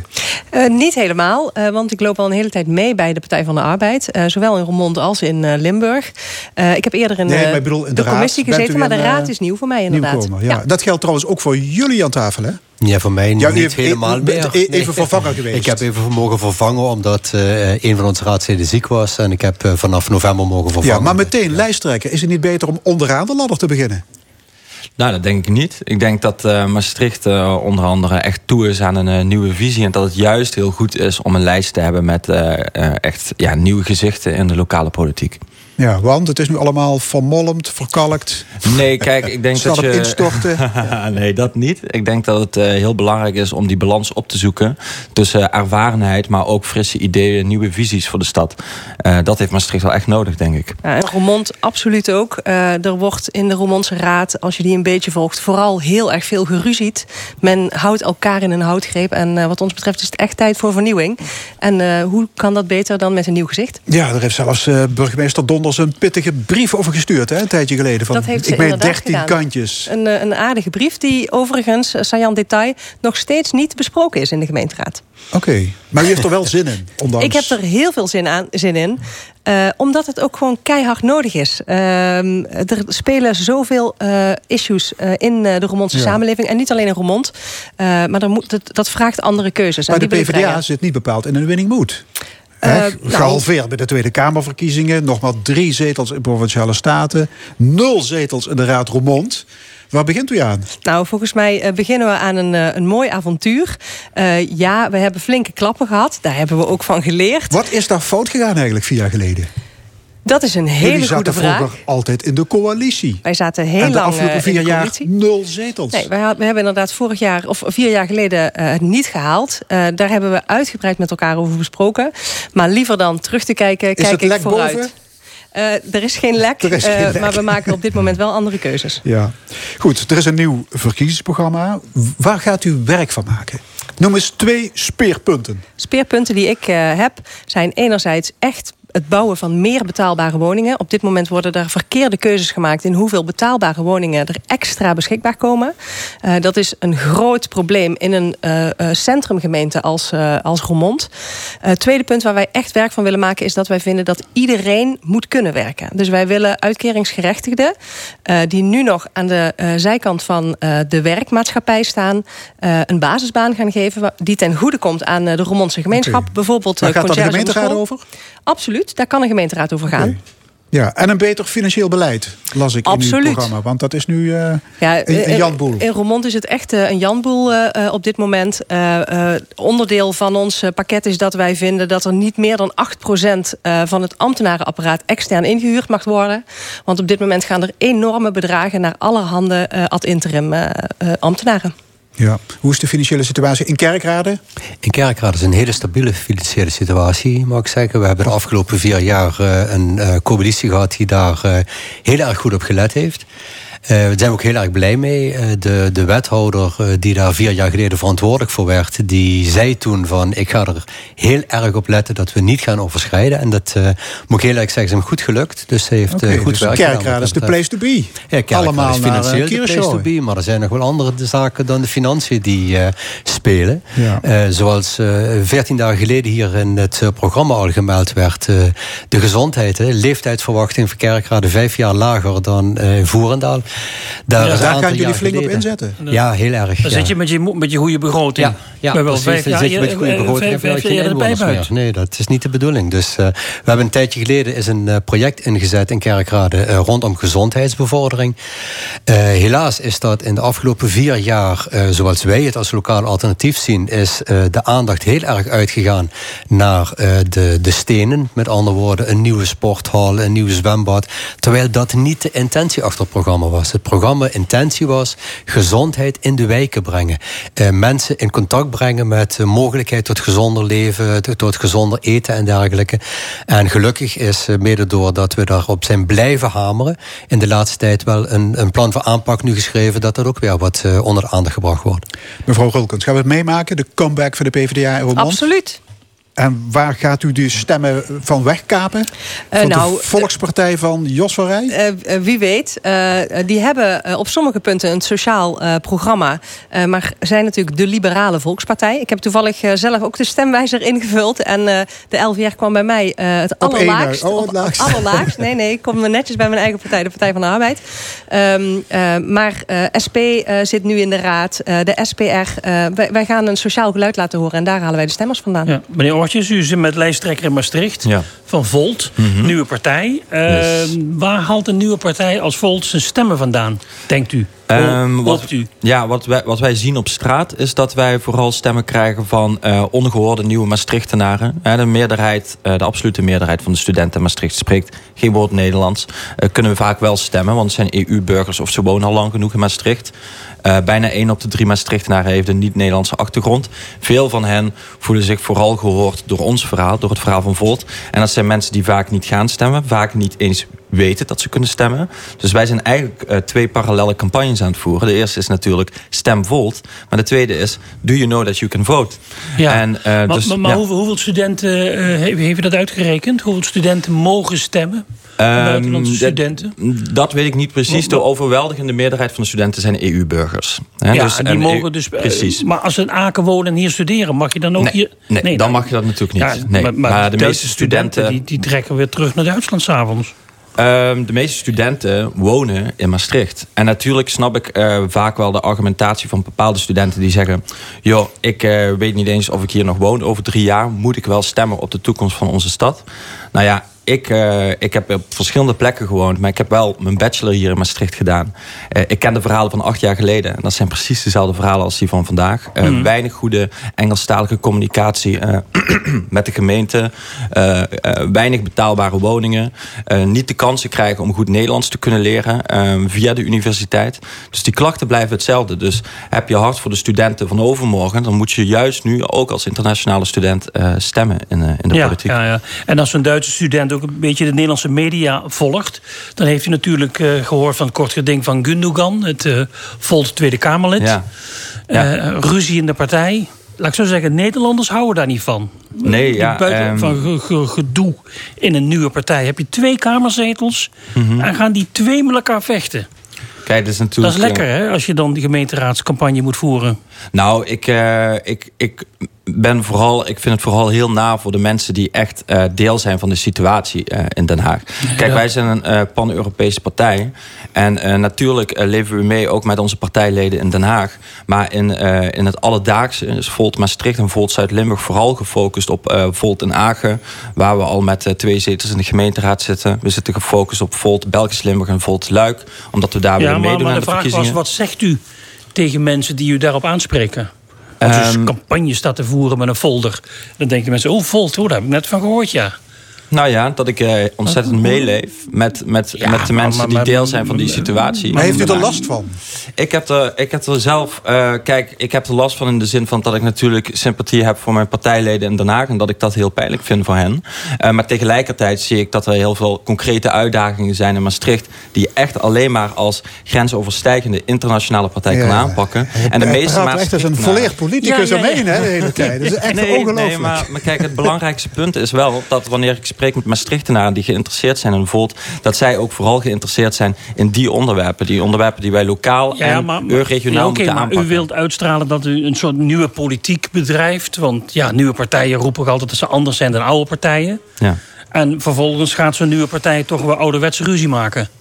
Ehm, ik denk dat ruzie altijd van al- al- alle tijden is. En ja, je, je zult dit soort dingen ehm, ehm, helaas moeten meemaken af en toe in een politieke partij. Ja. Kijk, wat ons echt nieuw maakt, en als je het heeft over nieuwe politiek, is eh, nogmaals dat wij een partij zijn die ook vertegenwoordigd zijn in verschillende instituten in Noord-Rijn-Westfalen. Dat we een groeiende partij zijn in België. Dat we de enige echte regionale partij zijn. En juist daarom Ja. bij uitstek een lokale partij zijn voor Maastricht. Ja, maar goed, als je iets als enige bent, dat is nog niet altijd een voordeel. Hoe bedoelt u? Leg dat eens uit. Nou ja, u zegt we zijn de enige regionale kijk, partij en we kijken goed het- over de grens. Maar levert dat meer stemmen op? In kerkraden praten ze altijd Duits en dan hebben ze, levert dat meer stemmen op? Ik zou, het, ik, ik zou het fantastisch vinden als eh, Marks partij ook in Herzogenraad zou bestaan. En ik zou het fantastisch vinden als de Christendemocraten en de Sociaaldemocraten en de Liberalen ook inderdaad op een pan-Europees iets niveau... een lokaal alternatief? Ja, we werken in ieder geval grensoverschrijdend. hè. We hebben Ja, maar- maar zou je we het in de campagne gebruiken? We- nou, zeker gebruiken we het ook in de, in de campagne. Want, eh, Voelen ja, mensen zich bedoel- daardoor aangesproken? Denken, oh, die kijken over de grens. Nou, dat iedereen zijn goede mensen voor mij in Nou, kerkraden het zou in heel vreemd zijn als je een kerkraad woont en niet over de grens kijkt. Ik bedoel, Mm. eh, vroeger, eh, historisch was kerkraad en Herzogenraad was gewoon één. Dus waarom zouden we niet samenwerken? En, dat, en dat geldt voor heel eh. Limburg. Hè? Het het ja. voordeel van eh, een lokale partij zijn, lokale PvdA in dit geval, is dat wij hulptroepen hebben in Maastricht, in Den Haag, maar ook in Brussel. Dus Mhm. tuurlijk wordt er samengewerkt. Ja, ja. en dat is heel belangrijk. Kijk, want en, en dat is wel echt de kwestie waar we voor staan als Limburgers. Willen wij een uithoek van Nederland blijven of willen wij echt in het hart van Europa staan? En dat moeten we lokaal politiek ook echt gaan Ja, de vraag is alleen, moet je dat lokaal uitbuiten? Absoluut. Het is een bedoel, feit. uitbuiten vind ik een... Vind In Roermond, mensen in Roermond gaan, hun, eh, gaan tanken eh, in Duitsland op dit moment, omdat het eh, in Nederland dat snap eh, ik. En ze gaan 2,20 het in- euro kost. Nee, en ze gaan inkopen doen. Ja. Maar het gaat me erom. Ligt daar politieke macht voor een gemeenteraad? Want, want het is wel Nee, mooi dat we in het, buitenland is zo dicht zitten. Maar wat, heb je eraan? We moeten dat gebruiken. Bijvoorbeeld in Roermond, net over de grens in Elmt... eh, is op dit moment een ontwikkeling gaande... eh, dat eh, Amazon zich daar wil gaan vestigen. Met een enorm logistiek bedrijf. Dat heeft enorme implicaties voor eh, Duitsland. Hè, aan de andere Mhm. kant van de grens. Voor de natuur op de, eh, daar. Eh, maar voor Roermond heeft dat ook enorme implicaties... met 10.000 vrachtwagens. Iedere dag 10.000 vrachtwagens. Ik weet niet of u nog een keer over de N280 bent gereden... maar dat betekent dus dat er bijna midden door het centrum van Roermond... 10.000 vrachtwagens gaan rijden. Daarom is het keihard nodig om samen te Dat werken. je over de grens kijkt. Ja. Komt er als Volt het voor het zeggen krijgt in Maastricht... althans mee mag praten... ook een wethouder van Buitenlandse Zaken? Een eh, wethouder voor Europese zaken zouden we heel graag willen. Ja, absoluut. Dat is echt een van onze ambities. En een wethouder van Europese zaken... die zou zich daarin ook echt vooral focussen... om op wekelijkse basis zoveel mogelijk de politiek... vanuit Belgisch, Limburg, Luik en Aken eh, erbij te betrekken. Ja. Ja, Mark Chalier, u bent lijsttrekker van Lokaal Alternatief in Kerkrade. Wat is uw motivatie om het openbaar bestuur te dienen? Ja, heel grappige vraag. Ik ben namelijk eh, in 2011, ik ben natuurlijk terug gaan denken... wanneer ben ik nou de eerste keer met, echt met politiek in contact gekomen? Nou, in 2011 was er in mijn ogen het onzalige idee in Kerkrade... om het eh, theater af te breken. En eh er was toen een nota... Het Wijnkrachttheater Ja, het? Wijnkrachttheater zou afgebroken worden. En er was een nota voor geschreven en zoiets, doek en boek. En ehm, toen ben ik eigenlijk, zonder dat ik toen al politiek actief of politiek gebonden was, ben ik eh, gestart met een petitie. Om die aan het gemeentebestuur aan te bieden. Dat dat een onzalig idee was. En ehm, wat je ziet, we zijn nu elf jaar verder. En eh, in hetzelfde gebouw wat toen afgebroken zou worden, zit nu de beste bibliotheek van Nederland. En als je ziet dat je zo'n dingen kunt bereiken door mensen eh, te, te, te mobiliseren, ja, dan denk je van daar zou ik eigenlijk eh, meer mee kunnen doen. Er, er zijn meer zaken waar eh, aandacht voor nodig is. En ja, dat was mijn intrinsieke jullie vormen motivatie. nu een, een, een driemansfractie Ja, in de oppositie. Aanzien Ja. jullie op een plek in de coalitie? Willen jullie achter de knoppen zitten? We hebben eh, tot vier jaar geleden in de coalitie gezeten. Dus we weten inmiddels eh, beide kanten van het spectrum. We hebben in de coalitie En dit gezeten. bevalt minder dan, eh? Het val- bevalt alle twee goed. We zijn namelijk geen partij die eh, van eh, oorsprong een coalitie of een oppositiepartij wenst te zijn. Wij, eh, wij, zijn eigenlijk een samenwerkingspartij. En je ziet dat eigenlijk al heel simpel. Als je naar de verkiezingsposters in Kerkrade kijkt, zal iedereen opvallen. Eh, alle verkiezingsposters buiten lokaal actief staat één persoon op, de lijsttrekker. Bij ons staan er vijf op. We kunnen dingen alleen maar samen doen. En niet één alleen. Dat eh, vinden we Ja, heel jullie vreemd. hebben een lijst trouwens van 34 kandidaten. Man, klopt. vrouw, keurig om en om. Ja, ja, Waarom ja. is dat? Eh, nou, enerzijds omdat we van mening zijn dat de gemeenteraad ook een eh, goede afspiegeling van de maatschappij moet zijn. En eh, ja, of je het gelooft of niet, maar in kerkraden wonen echt 50% vrouwen en 50% mannen. Dus waarom zou je niet 50% Oké. vrouwen en 50% mannen Jullie zijn ook op progressiever dan de Partij van de Arbeid in Roermond. Nou, eh, prachtig. een mooie man-vrouw verhouding. Eh, maar volgens mij is het ook kwaliteit eh, dat telt. En eh, dat is voor ons, meestal zeggen mannen dat altijd. Voor vrouwen geldt dat net zo goed hoor. Dus zeker. meer vrouwen op de lijst van de Partij van de Arbeid dan mannen? Eh, nee, we hebben meer mannen op de lijst. eh, maar we hebben wel een vrouwelijke kwaliteitsargument? lijsttrekker. En het kwaliteitsargument nou, eh, dan? fantastische lijsttrekker. dan met u. Meneer Charlier, de jongste is 24, de Ja, oudste is 83. Ja, klopt. Jullie willen een veilig, gezond en krachtig kerkraden. Klopt. Ja, dat is niet echt verrassend. Wat onderscheidt jullie van andere partijen, lijsten? Nou, ik denk vooral dat de dialoog ons onderscheidt van andere partijen. Je ziet heel vaak dat andere partijen een bepaald standpunt innemen en dan met de hak in het zand gaan staan. En dat standpunt is heilig. En met jullie valt En overal over te marchanderen. en- Nee, bij ons valt zeker niet te marchanderen, maar wel te overleggen. Overleggen, ja. En we hebben gezien dat afgelopen jaar, eh, vier jaar in de oppositie, dat je ook zo dingen kunt bereiken. Ik bedoel, in kerkraden is eh, tegenwoordig een eh, gratis abonnement voor de bibliotheek voor minder draagkrachtigen. Dat hebben we toch vanuit de oppositie weten te bereiken. Is dat de reden ook waarom jullie burgerparticipatie een warm hart toedragen als partij? Burgerparticipatie sowieso. We werken altijd al met een eh, klankbordgroep. Dat zijn een, Ja, eh, leg nog eens even uit wat jullie daarmee bedoelen.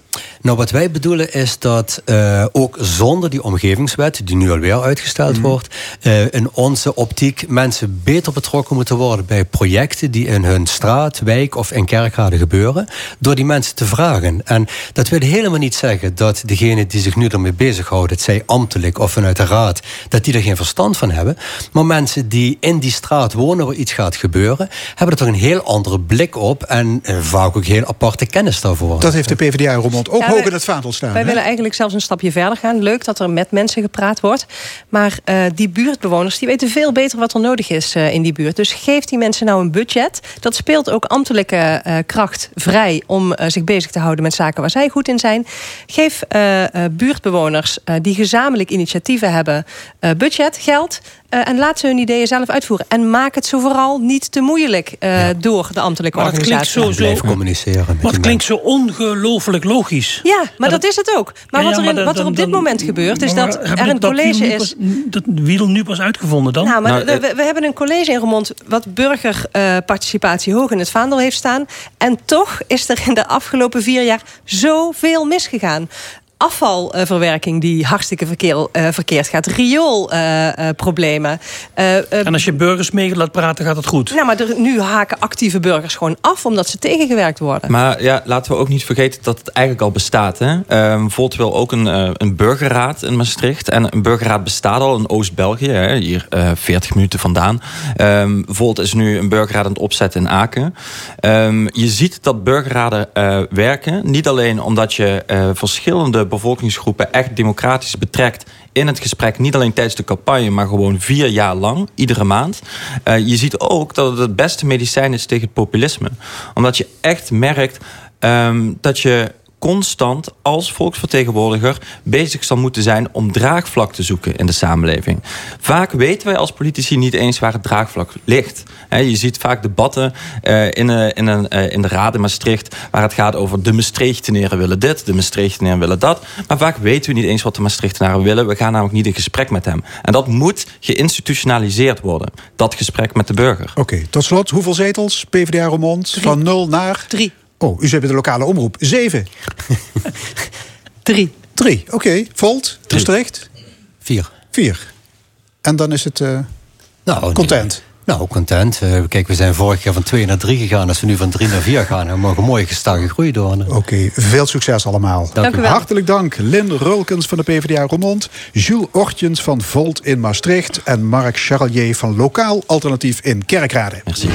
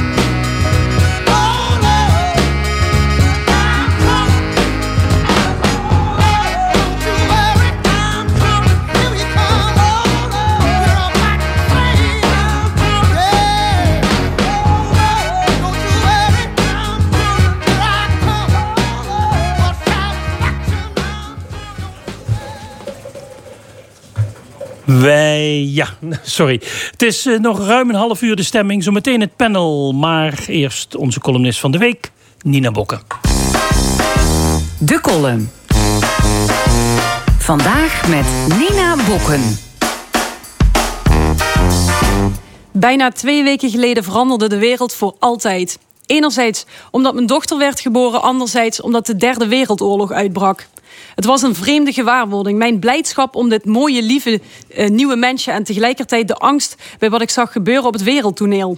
Onze dochter keek na de geboorte meteen al heel alert om zich heen met van die grote blauwe kijkers.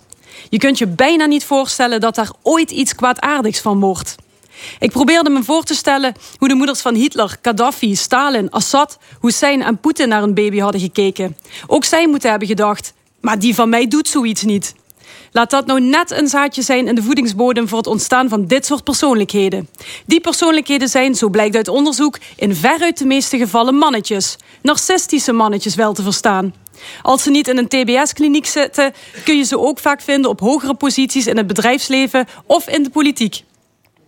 Dat komt niet per se doordat ze slim zijn, maar door hun buitengewone talent om de realiteit om te draaien zo dat zij altijd verantwoordelijk zijn voor succes en de ander voor mislukking.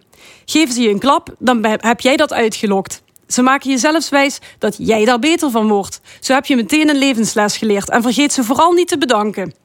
Narcisten vertellen vaak over hun grootse plannen, probleemloze leven en buitengewone prestaties. Ze hebben een onstilbare honger naar aandacht en bevestiging van het idee dat ze bijzonder zijn. Dat gaat dan ook vaak gepaard met uiterlijk vertoon. Een opvallend kapsel, dure kleren of het dragen van onderscheidingen. Ze zien zichzelf ook graag weerspiegeld in een heldhaftig en romantisch, vaak soms erotisch figuur.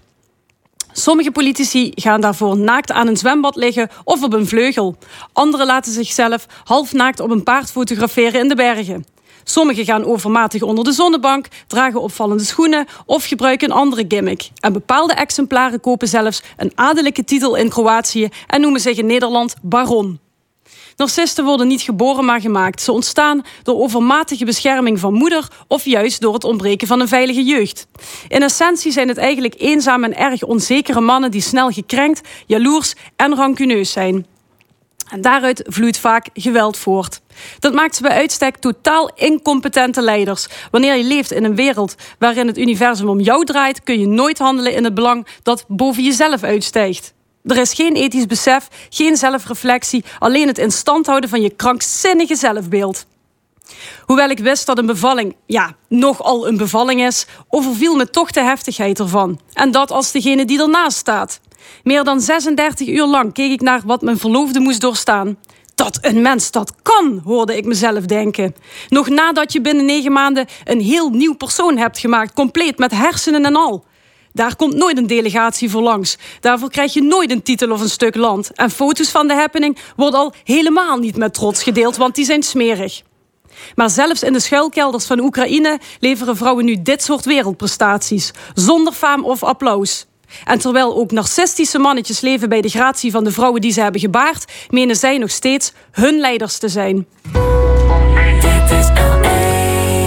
De column was dat van Nina Bokken. In de stemming is het panel aangeschoven om te discussiëren over prangende actualiteiten. Vandaag over één actualiteit, de oorlog. Aan tafel de oud-Kamerleden Monique Quint van de PvdA en Jan de Wit van de SP. En ondernemer, artiest Mark Hermans, politieke partij onbekend. Hou dat maar Nou, oké. Ja, Mark Hermans, ehm, elf dagen oorlog nu. Ja. Zie jij ergens een sprankje hoop? Ik zie absoluut geen hoop. Ik zie alleen maar darkness, zoals Zelensky dat nu zegt. Hè? en ik zie alleen maar verdere escalatie. Ik zie geen enkele eh, opening dat met, met onderhandelen of anderszins Poetin eh, eh, anders dan met wapenen en met wapengekletter uh, tot reden wordt gebracht. Want uh, zoals, het nu, zoals de, kaarten nu op tafel liggen...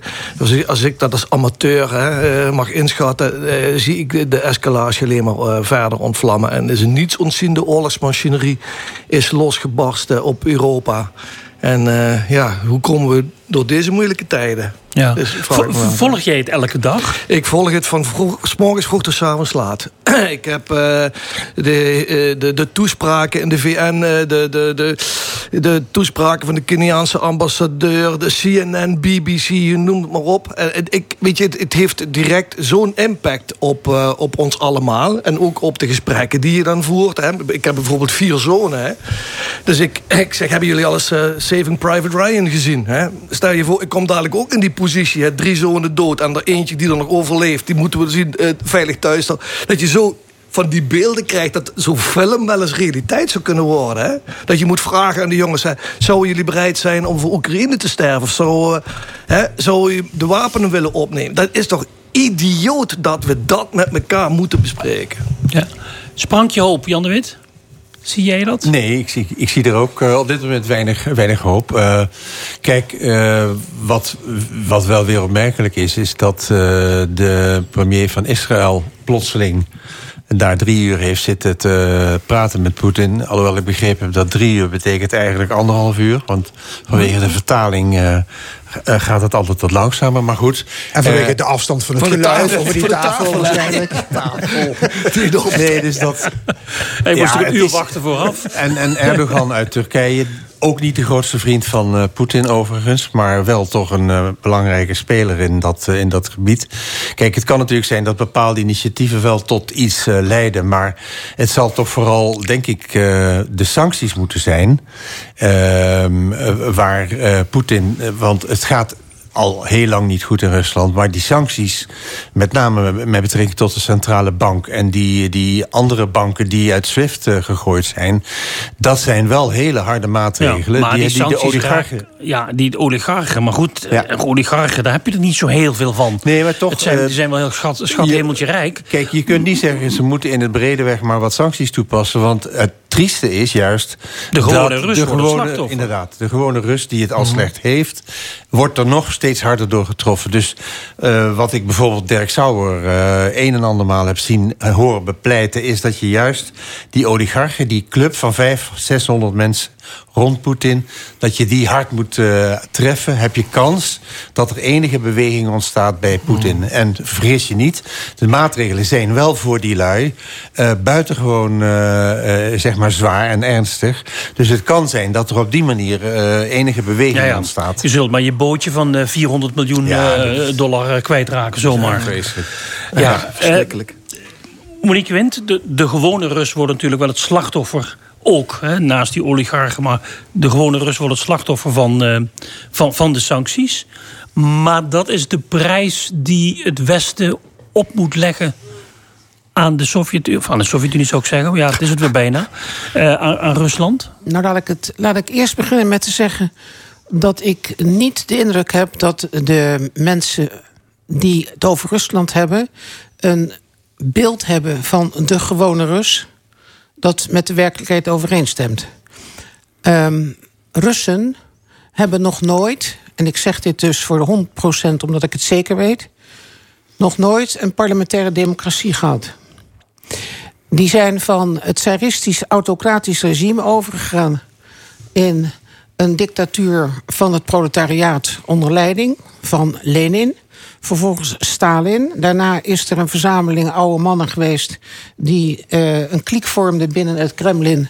En als de ene kliek eh, op zijn laatste benen liep, letterlijk, want daar lopen ze altijd eerst op hun laatste benen voordat ze vertrekken, dan kwam er een volgende kliek. Dus waar ik heel erg somber over ben, als het gaat over de gewone Rus, is dat die Russen in staat zijn om te doorzien wat er op dit moment aan de hand is in een land waar zij wonen. Waar ze eh, gedurende de negentiger jaren heel voorzichtig hebben meegemaakt. En dat, dat he- ze, hebben zij gezien als prestatie van meneer Poetin. Dat het langzaam maar zeker van een absolute chaos eh, weer wat beter ging. Ehm, meneer Jeltsin had de wijsheid toen hij onder indruk van nog eens een keer te veel wodka en allerlei andere ziekten meneer Poetin tot zijn opvolger bombardeerde. eh, dat de Russen denken aan Poetin hebben we in ieder geval rust en herstel van enige orde te danken. En, En wil je daarmee zeggen dat ze pas heel in een heel laat stadium afscheid willen nemen van hem? Dat ze in verzet komen massaal? Ik ben dus geneigd om te zeggen dat Russen, zeker degenen die niet in Moskou wonen en in Petersburg, Want Moskou is niet Rusland. Juist. Dat die nauwelijks in de gaten hebben wat er allemaal gebeurt. En dat de, ehm, de uitzendingen van de staatstelevisie en staatsradio die plaatsvinden en uitsluitend eh vol zitten met de verhalen die meneer Poetin kwijt wil. Dat Russen die voor een groot gedeelte ook niet kunnen duiden. Want dat hebben ze nog nooit gekund, omdat ze geen idee hebben wat vrije pers is. Ze, ze zijn, ehm, en dat is denk ik wat het Westen altijd in zijn benadering van dat deel van Europa... want we hebben het nu even over Europees Rusland... Aziatisch Rusland is een ander verhaal... dat de West-Europeanen, en dat geldt zeker voor de Amerikanen en de Canadezen... dat die voortdurend denken... er is een natuurlijk proces in de wereld... waarin de mensheid vanzelf toegroeit naar de parlementaire democratie. Nee, oké, dus dat, dat en, en, helemaal dat, niet. En maar- dat gebeurt dus helemaal niet. Nee. Jan, Kijk, eh, het is zeker zo dat eh, de Russen. eh, dat hoor je nu ook toch ook wel in de commentaren ehm, van de mensen die daar rondlopen. Ehm, de Russen weten officieel niet wat er allemaal gebeurt. Er zijn grote delen van Rusland die waarschijnlijk niet eens weten dat ze in oorlog zijn met de Oekraïne. Desalniettemin betekent dit dus wel dat. Wij leggen sancties op eh, aan, eh, aan Rusland. En die treffen dus wel een aantal mensen. En, eh, nogmaals, het snappen gaat dat in dus het- niet Nee, dan, wellicht. Het gaat, het, en dus het, het zou van twee kanten kunnen komen. Hè? Dus op het moment dat en de oligarchen zeggen... nou, Poetin, eh, nu, nu is het mooi geweest, nu moet Je je, gaat toch dat wel niet doen, we matigen. moeten het de generaals doen. Maar het kan ook zijn natuurlijk dat de mensen zelf eh, in opstand komen... omdat het gewoon te slecht wordt eh, in, eh, in Rusland. Alleen, de vraag is natuurlijk wanneer is dat moment aangebroken? Ja, maar- dat is ook niet Ja, maar Jan, zeg maar morgen. Altijd als het slecht ging in Rusland, of het nou onder de tsaren was of daarna onder de communistische oligarchen, want, of dictators, of hoe je ze verder ook noemen wil, het heeft geen van allen gedeugd, dan was altijd de schuld elders te vinden. Of het waren de Turken, of het was Oostenrijk-Hongarije, oftewel de Habsburgers, of het waren de slaven op de Balkan. Maar goed, dat is nu ook weer. Dat er is is nu. altijd een ander die dat doet. En de bevolking weet nauwelijks argumenten, omdat ze die argumenten niet krijgen... om het tegendeel op tafel te leggen... en het te verwijten aan degene die aan de macht zijn. Ja, maar dus jij, jij, eh, kijk, ik heb wel eens gelezen dat in Rusland eh, altijd het adagium gold van eh, if there is no solution, there's always a revolution. Dat die dus niet opgaat, omdat mensen niet in opstand gaan komen. Want dat is eigenlijk waar wij, waar wij op hopen met onze sancties. Dat eigenlijk vanuit binnen, of het leger of whatever, dat er zeg maar een opstand komt waar eh, Poetin wordt afgezet. Maar dat hebben we ook bij Assad gehoopt. Heeft ook niet eh, geholpen. Nee. Hè? Is het- bedoel, om- eh, om- omdat wij als er Westerlingen een- voortdurend denken dat men daar denkt... en men daar leeft en daar informatie tot zich neemt... wat wij gewend zijn. En, dat zijn we, en dat is dus niet zo. Ja, maar we, we, we gaan er misschien van een te romantisch beeld uit... van hoe mensen zeg maar, met, hun, met hun eigen staatsbestel... en de maakbaarheid van zo'n staatsbestel. En we onderschatten wellicht zeg maar, de terreur die ervan uitgaat... eh, en, de, en de repressie en de onderdrukking van de vrije wil. Eh, waar, waar kinderen gewoon eh, die een bordje ophouden van, eh, omhoog houden in de tram... Hè, van no war en dan van acht jaar... gewoon door de politie gearresteerd worden Ja, maar er- er is- Dat is de samenleving daar. Dat, juist, maar er is ook nooit een fase geweest... en dat is wat ik alsmaar wil betonen... waarin het anders was. Mhm. De, de, de West-Europese landen zijn vanaf pak een beet... de 18e eeuw bezig met vallen en opstaan om een democratisch bestel overeind te houden. En dat gaat soms beter dan eh, op andere momenten. Maar wij weten, wij Westerlingen... wij weten in ieder geval wat democratie inhoudt. En dat is dat je je moet neerleggen bij een meerderheid. Dat je moet accepteren dat er af en toe dingen gebeuren... die voor jou niet leuk zijn. Maar omdat het in het belang van het algemeen is, et cetera. En je hebt in ieder geval enig eh, ervaring in het bepalen door allerhande soorten van structuren wie er de macht krijgt. Ja, maar dus, dus in Rusland zullen gewone Russen, als ik jou goed begrijp, is dat het punt van niet het, het politiek perspectief is hun toekomst, maar ze zullen dus vooral naar hun economisch perspectief kijken. Want namelijk dat politiek perspectief, dat, dat kennen ze niet. Dat, dat, dat, dat, dat zit er niet ingebakken. Mhm. Terwijl het economisch perspectief, dat voel je aan de lijve. Dat is, dat is, dus, dat is en, en mijn- natuurlijk is de afgelopen tien jaar niet zo heel Ja, maar dat slecht is ook mijn gegaan met. Rusland. Kijk, ik, eh, kijk je, eh, Mo- Monique eh scheert ze allemaal over één kam. Ik, heb, ik kan me nog voorstellen dat eh, Gorbachev in dit, in dit geheel... toch een iets andere, eh, met zijn perestroika... Daarom is het ook openheid- mislukt, hè? Daarom nee, is het ook mislukt. daarna heeft Yeltsin, dus de, de, de dronkenlap... Yeltsin heeft toen ingegrepen en die is weer teruggeschakeld. En Poetin heeft alleen maar de voormalige Sovjet-Unie voor ogen als... Nee, het die waren het rijk, het van Ka- Catharina de Oh, Grote. misschien nog verder terug. Oké, goed. Maar in ieder geval, ik ben van, me- ik, ik, ik, ben het, eh, ik ben van mening dat welk beeld de Russen ook voor eh, geschoteld wordt... en dat is inderdaad nu niet een compleet beeld... en dat is een, eh, het beeld dat Poetin graag wil schetsen... De materiële omstandigheden, dus de, de, de levensomstandigheden van de mensen... zullen wel de doorslag gaan geven als blijkt dat je in Rusland geen kant meer uit kan. Dat het nog verder eh, armoede eh, oplevert... en dat mensen dus zich niet meer kunnen ontwikkelen. Ja. Dan Ja. heb je een basis voor verandering. Goed. Kijk, ik... Monique, laatste woord over dit... eh, Nou, omdat de economische druk die kan worden uitgeoefend... vooral weer in de steden gevoeld zal worden. Als, als ik in het nieuws lees dat bepaalde merken niet meer te krijgen zijn... dat meneer Ikea is opgestapt...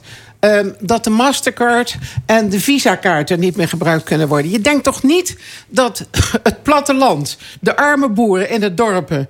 door dit soort informatie warm of koud worden. Hè? Want die hadden dat al niet.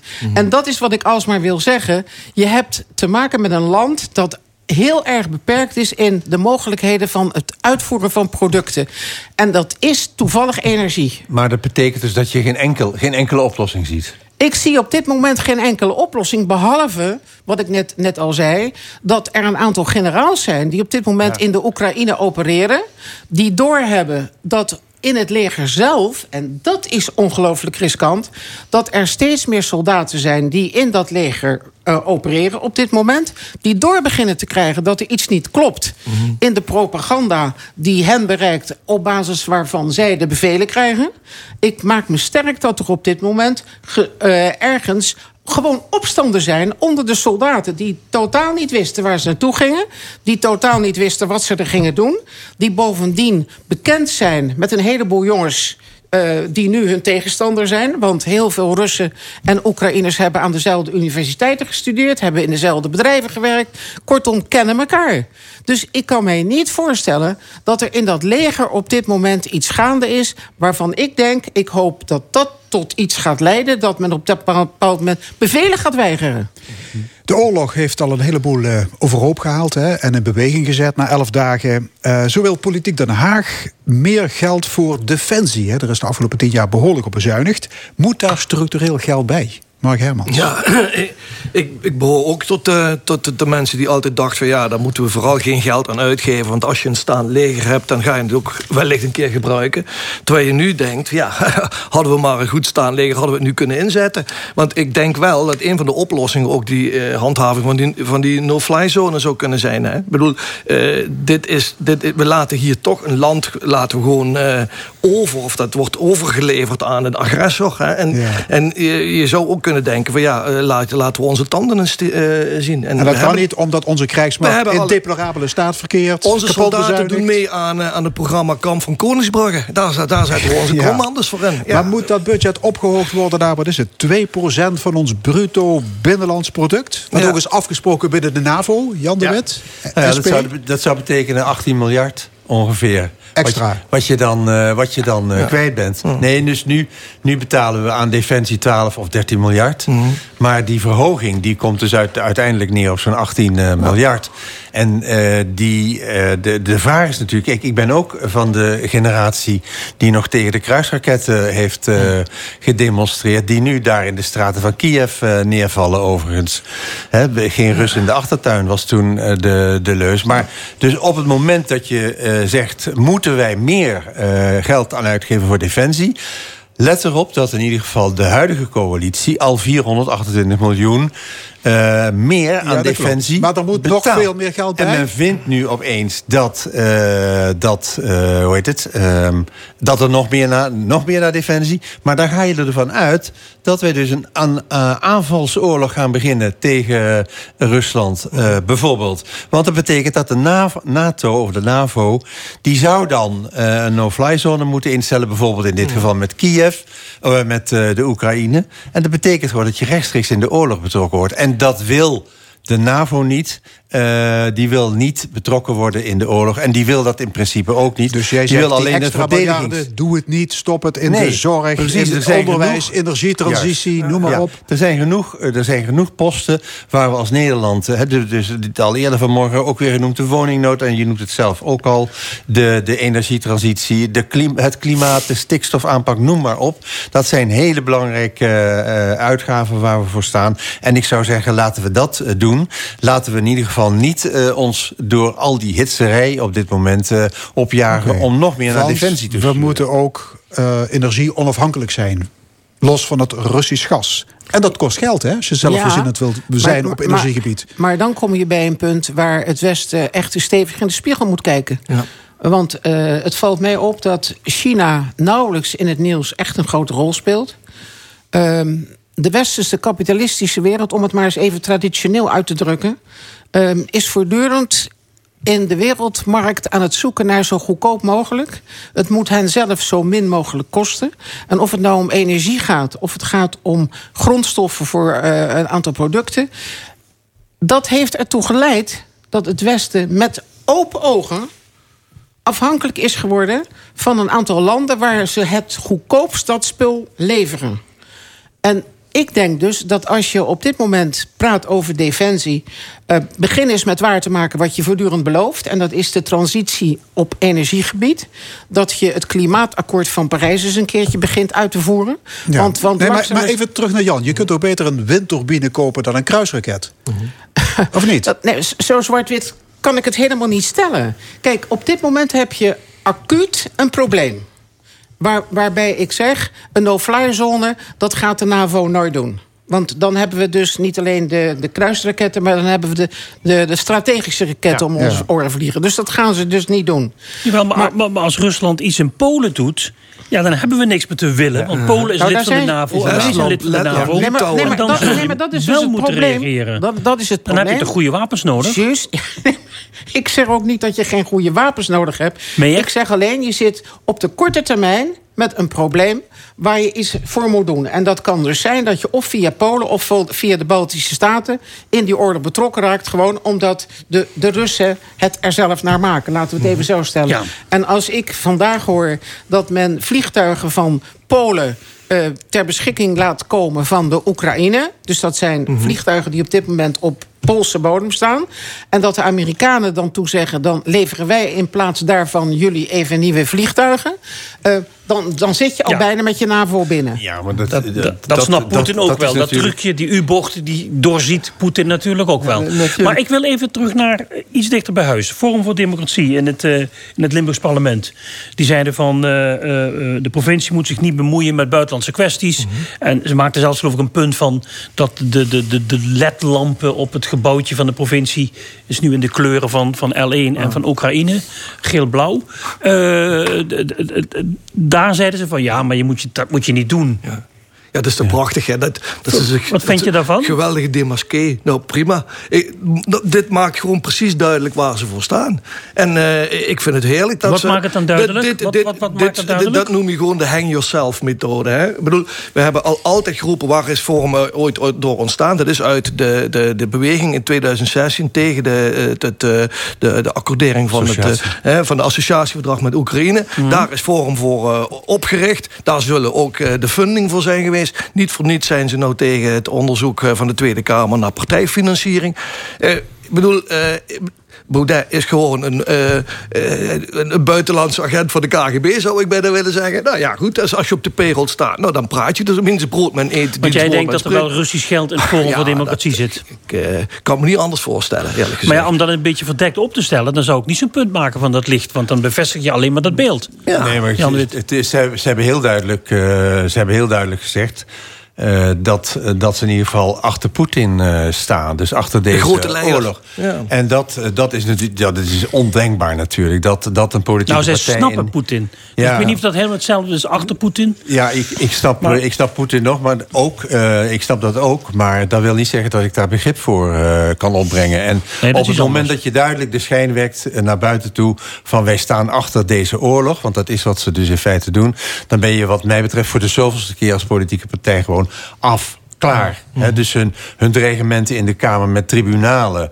Hun eh, zeg maar, eh, leidersrol die ze rond de Wappie-beweging in Nederland hebben gespeeld. En nu dit erbovenop. Voor mij is het gewoon klaar. eh, en, een provinciebestuur, de, de- door, door, door empathie te tonen met de Oekraïners... Ja. lampen, vlaggen op Nou, op gemeentehuizen. daar- daar kan je- daar kan je- He- heeft dat zin? Moeten we dat je doen? Is dat goed? Kijk, de redenering van het Forum voor Democratie... dat we ons niet met buitenlandse aangelegenheden moeten bezighouden... want dat is dus wat ze zeggen.